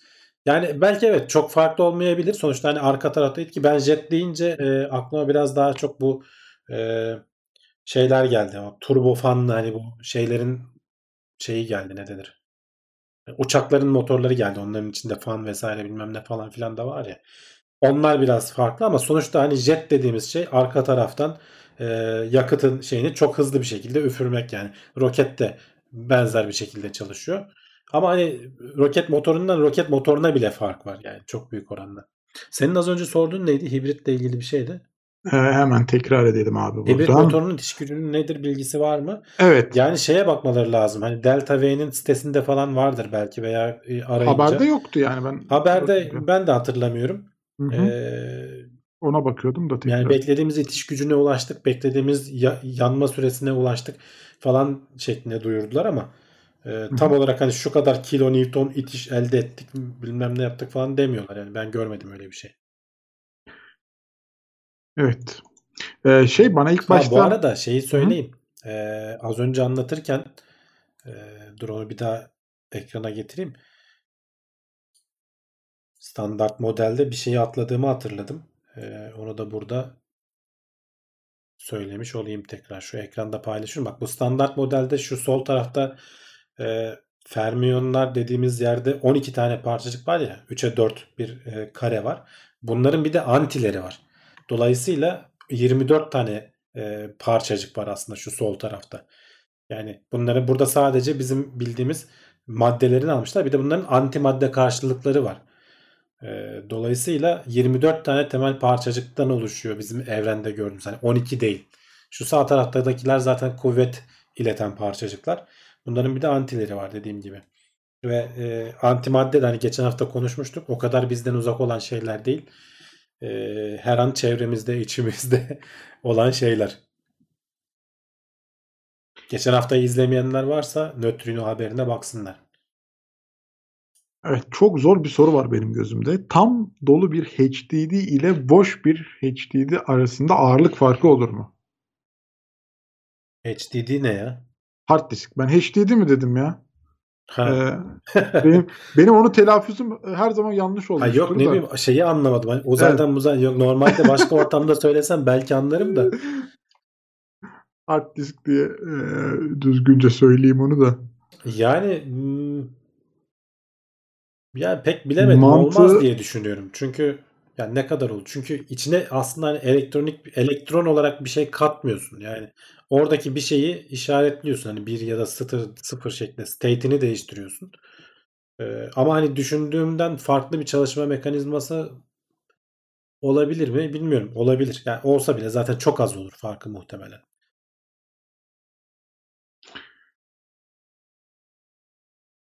Olmaz demişler. Manyetik yer değiştiriyor. Eklenip çıkarılmıyor diye. Evet yani hani ama belli de olmaz. Hani e, şeye bakmak lazım. Tam çalışma mekanizmasını düşünmek lazım.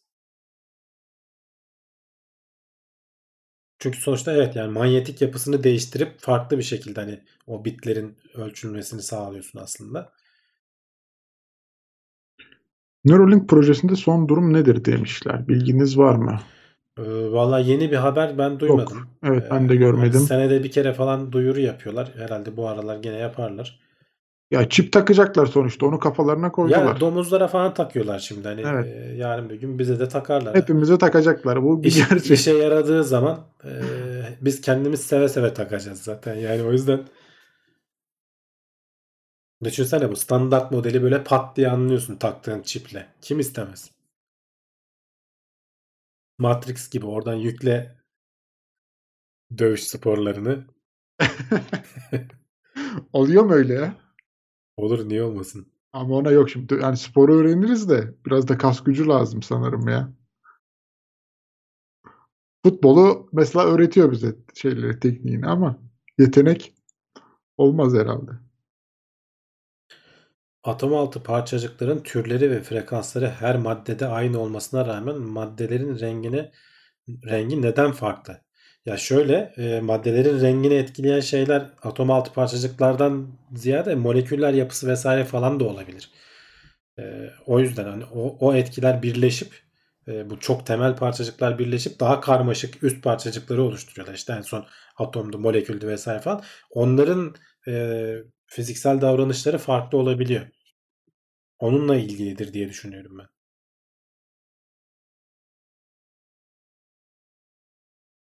İşe yarasın direkt takacak birini tanıyorum. Neuralink için. İşe yararsa biz de isteriz canım. Bugün Elon Musk duyurumu yapmış. Ben hiç haberim yok bak. Öyle varsa gelecek hafta konuşuruz. Elon Musk maymunu sağ ve sol lobuna takıp oyun oynattı maymuna demiş. Ben o haberi gördüm ama Neuralink var mıydı içinde emin değilim ya. O yüzden Yani. pek bakmadım.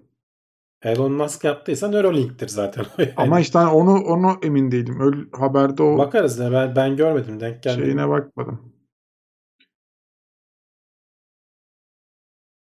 Yani maymun evet düşünce gücüyle şey yapıyordu. İbrahim Ee, Şen doğru bir yere parmak bastı. Bak, Bilgiyi öğretebiliyorsa sile de bilir diyor. Yani dikkat etmek lazım Oo, çok tehlikeli. Ya oralara daha çok yolumuz var arkadaşlar. Öyle beyne hemen oradan işte Rusça yükleyeyim, yok helikopter pilotu yükleyeyim falan. Çok karmaşık bir yapı beyin. Öyle çözmemiz daha zaman alır yani. Bayağı zaman alır.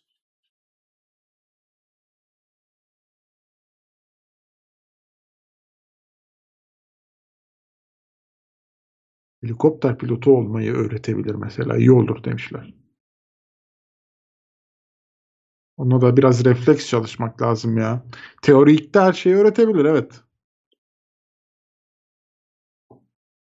Maymun ileride sıka sıka gitmeli oyunlar oynar. Ya Oradan kurtulup bize de sıka sıka gitmesin de sonra. Küresel ham madde krizinin sebebi üretim yetersizliği mi yoksa siyasi mi?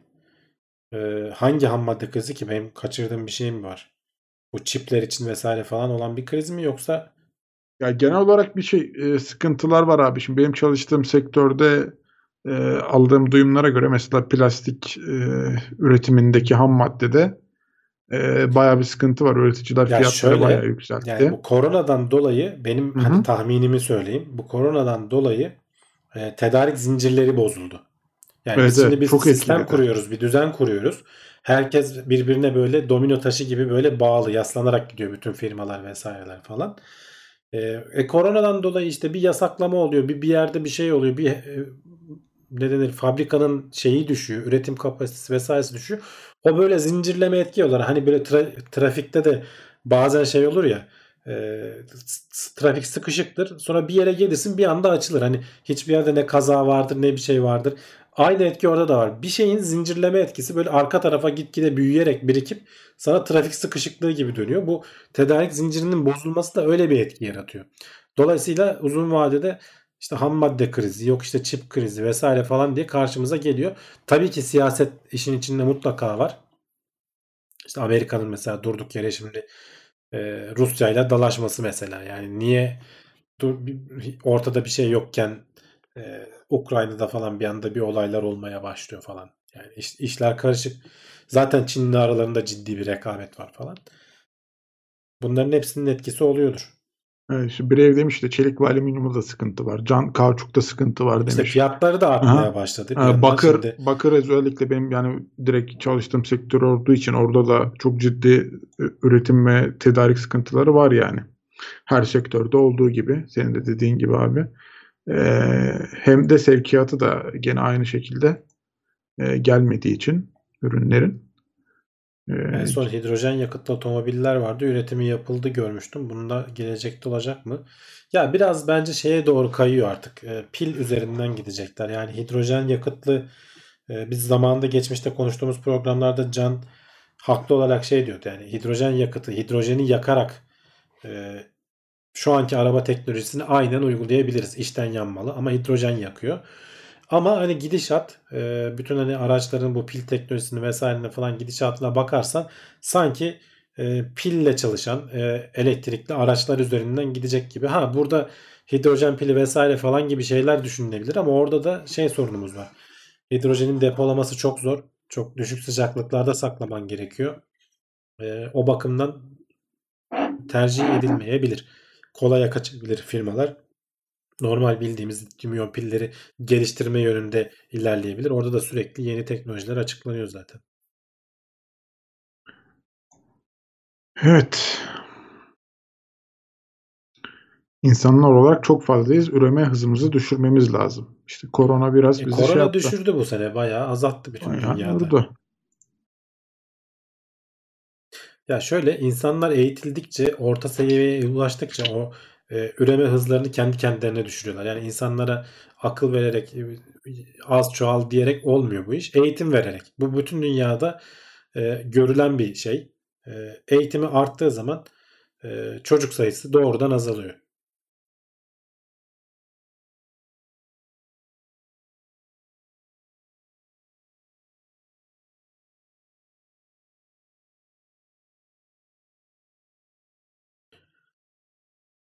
Koronadan sonra görürüz bebek patlaması olmasın da.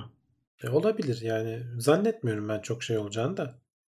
bir anda patlama olacağını. Yavaş yavaş artar gene. Ben de. Hatta insanlar artık biraz şey oldu Çünkü korona da öyle bir anda hani tamam artık yarından itibaren korona yok denmeyecek. Korona da yavaş yavaş azalacak. Aynı oranda yavaş yavaş biz de normalleştikçe e, normal hayatımıza döndükçe işte bebekler falan da ona göre artar ya. Şu anda insanlar ekonomik olarak riskli görüyorlar herhalde bu dünyaya şu anda getirmeyelim diye. Ki hani insanlar aslında herkes eve Kesinlikle kapandı öyle. çocuk sayısı artar diye bekliyordu. Tam tersi oldu. Yo yo yani ben öyle düşünen çok insan tanıyorum yani. Biri de benim yani artık. Çok sıkıntılı bir zaman buraya atmak gerekir mi çocuğu diye düşünüyorum yani bir yandan. hani her şeyini Imperius demiş ki televizyonlarda oruç tutmanın aslında ne kadar sağlıklı bir şey olduğu konuşuluyor. Var mıdır bilimsel dayanağı? Ya şöyle bununla ilgili hani doğrudan oruç tutmayla ilgili bilimsel araştırma görmedim ama hani bunu şeye bağlayabiliriz. Ee, intermittent fasting dedikleri zaten hani aralıklarla e, oruç tutma diye bir akım var dünyada bu aralar. Bunun üzerine bir sürü bilimsel araştırma yapılıyor. Ee, bunun belli bir miktar hani aç kaldığın zaman vücudun salgıladığı hormonlar falan e, faydalı olduğu söyleniyor. Yani e, çok uzatmayacaksın tabii hani öyle 3 gün yemiyorum falan gibisinden değil de e, mesela 18 saat yemeyip kalan günün 6 saatinde yemekleri yiyip sonra geri kalan 18 saatinde aç kalın falan gibisinden yaklaşımların iyi olduğu söyleniyor.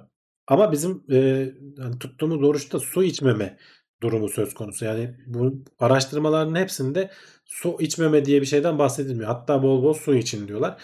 Su içmemenin e, belki etkileri olabilir ama insan da sonuçta hani e, sabahtan akşama kadar susuzluğa da dayanabilecek yapıda. Yani o da e, zararlıdır diyemem hastalığın falan yoksa yani şeyin altında. Ee, vücut Yani vücudun o insan vücudu şeyden e, geçen kanserle ilgili bir videoya denk geldim. E, insan vücudu biraz böyle zorluk hissettiği zaman belli kimyasallar salgılıyor ve bunlar işte hem bağışıklığını arttırıyor hem işte vücuttaki kanserlerin gelişimini durduruyor. Mesela bu vücuda e, zorluk ne işte mesela spor yapmak. E, işte ne bileyim soğuk soğuk suya dalmak. Bu seni bir anda e, şey yapıyor. E, vücuduna stres bindiriyor. Ama hani stresten de gebermeyeceksin. Yani o stres biraz ayarlı olacak. E, işte sporu da ayarlı yapacaksın. İşte biraz böyle soğuk havada yürüyün diyorlar mesela. E, o, onun mesela seni uyandırıcı etkisi, vücudunu uyandırıcı etkisi. Aç, aç kalmak da bunlardan biri. Vücuda biraz yükleniyorsun. Yani e, çok rahatlamasına izin vermemen gerekiyor ki vücut kendi kendini e, hazırlasın belli şeylere, zorluklara. E, bu aralıklı oruç tutma veya işte bizim dinimizde dinen oruç tutmanın faydası buradan geliyor olsa gerek. Bir de işte evet az kullandığın için belki hani e, ama sonrasında bizde tabii şey problem. Yani iftarda sen o kadar oruç, oruç tuttuktan sonra bir anda bir dalıyorsun. E, tabii o çok sıkıntılı ya. o da çok ağır yük getiriyor Yani- yani aslında. Hani sürede kısıtlı oluyor ya bazen böyle hadi tatlıyı da ver onu da hemen hızlıca gömelim şeyi de yiyelim bitiyor. Yemedik gün içinde hiçbir şey millet, gözü de aç oluyor tabii biraz. E, onun etkisiyle çok yemek gerçekten sıkıntılı yani dikkat etmekte fayda var. Ahmet Çağrı Karaca arkadaki kitaplıkta en değer verdiğin kitap hangisi demiş ama vallahi hani öyle cevap verebileceğim bir soru değil. Orada çok güzel bir sürü kitap var yani çok beğendiğim. Ee, düşüneyim ben haftaya kadar bakayım bir en beğendiğim şudur diyeceğim bir şey var mı bakarım. Hı hı. Sanki bu haftayı da e, bitirdik gibi abi ne diyorsun? Evet 11.30'u bulmuşuz. Yavaştan kapatabiliriz. Şöyle Kapat. son bir soru falan varsa. Bu arada şeyin e, hatırlatmasını yapayım. Bugün şimdi ben bu yayından sonra kendi Twitch kanalımda biraz arkadaşlarla oyun falan oynayacağız. Gelip katılıp izlemek isteyenler olursa da onları da bekleriz diyeyim. Hatırlatmasını yapayım. Twitch kanalıma da şöyle linkini de atayım. Deniz Kemal Yılmaz demiş ki bak işin ucu dönüp dolaşıp sağlıklı beslenmeye geliyor. Kim gerçekten umursuyor ki? Evet yani işin ucu hakikaten dönüp dolaşıp e, sağlıklı beslenmeye geliyor aslında. Ve spor yapmaya işte sağlıklı olmaya geliyor. Biraz bunlara özen gösterirsen rahat ediyorsun diyorlar. Ha ben de yapabiliyor muyum? Ben de o kadar yapamıyorum açıkçası. Yani kolay değil çünkü. İrade lazım.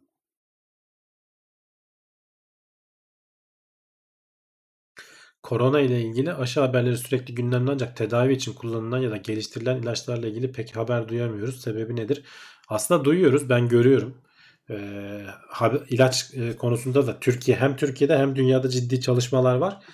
Ee, sadece aşı çok daha acil. Hani pandemiyi durdurmak adına. Sonrasında e, ilaçlar da e, koronaya yakalansan bile kolay atlatmanı sağlayacak. İlaçlar da yolda. O bakımdan yani biraz tünel tünelin ucunda ışık göründü diye hem aşılar anlamında hem de ilaçlar anlamında söylüyorlar bunu.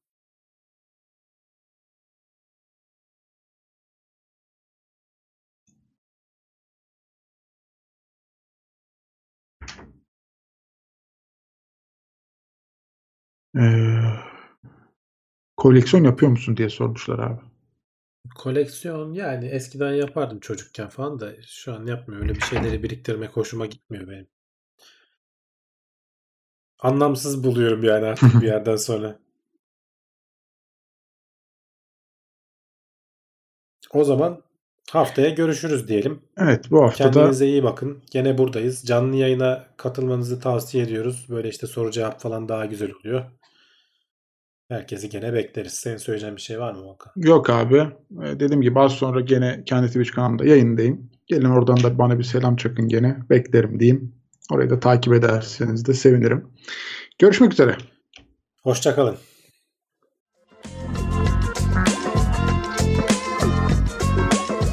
Tailwords teknoloji ve bilim notlarını sundu.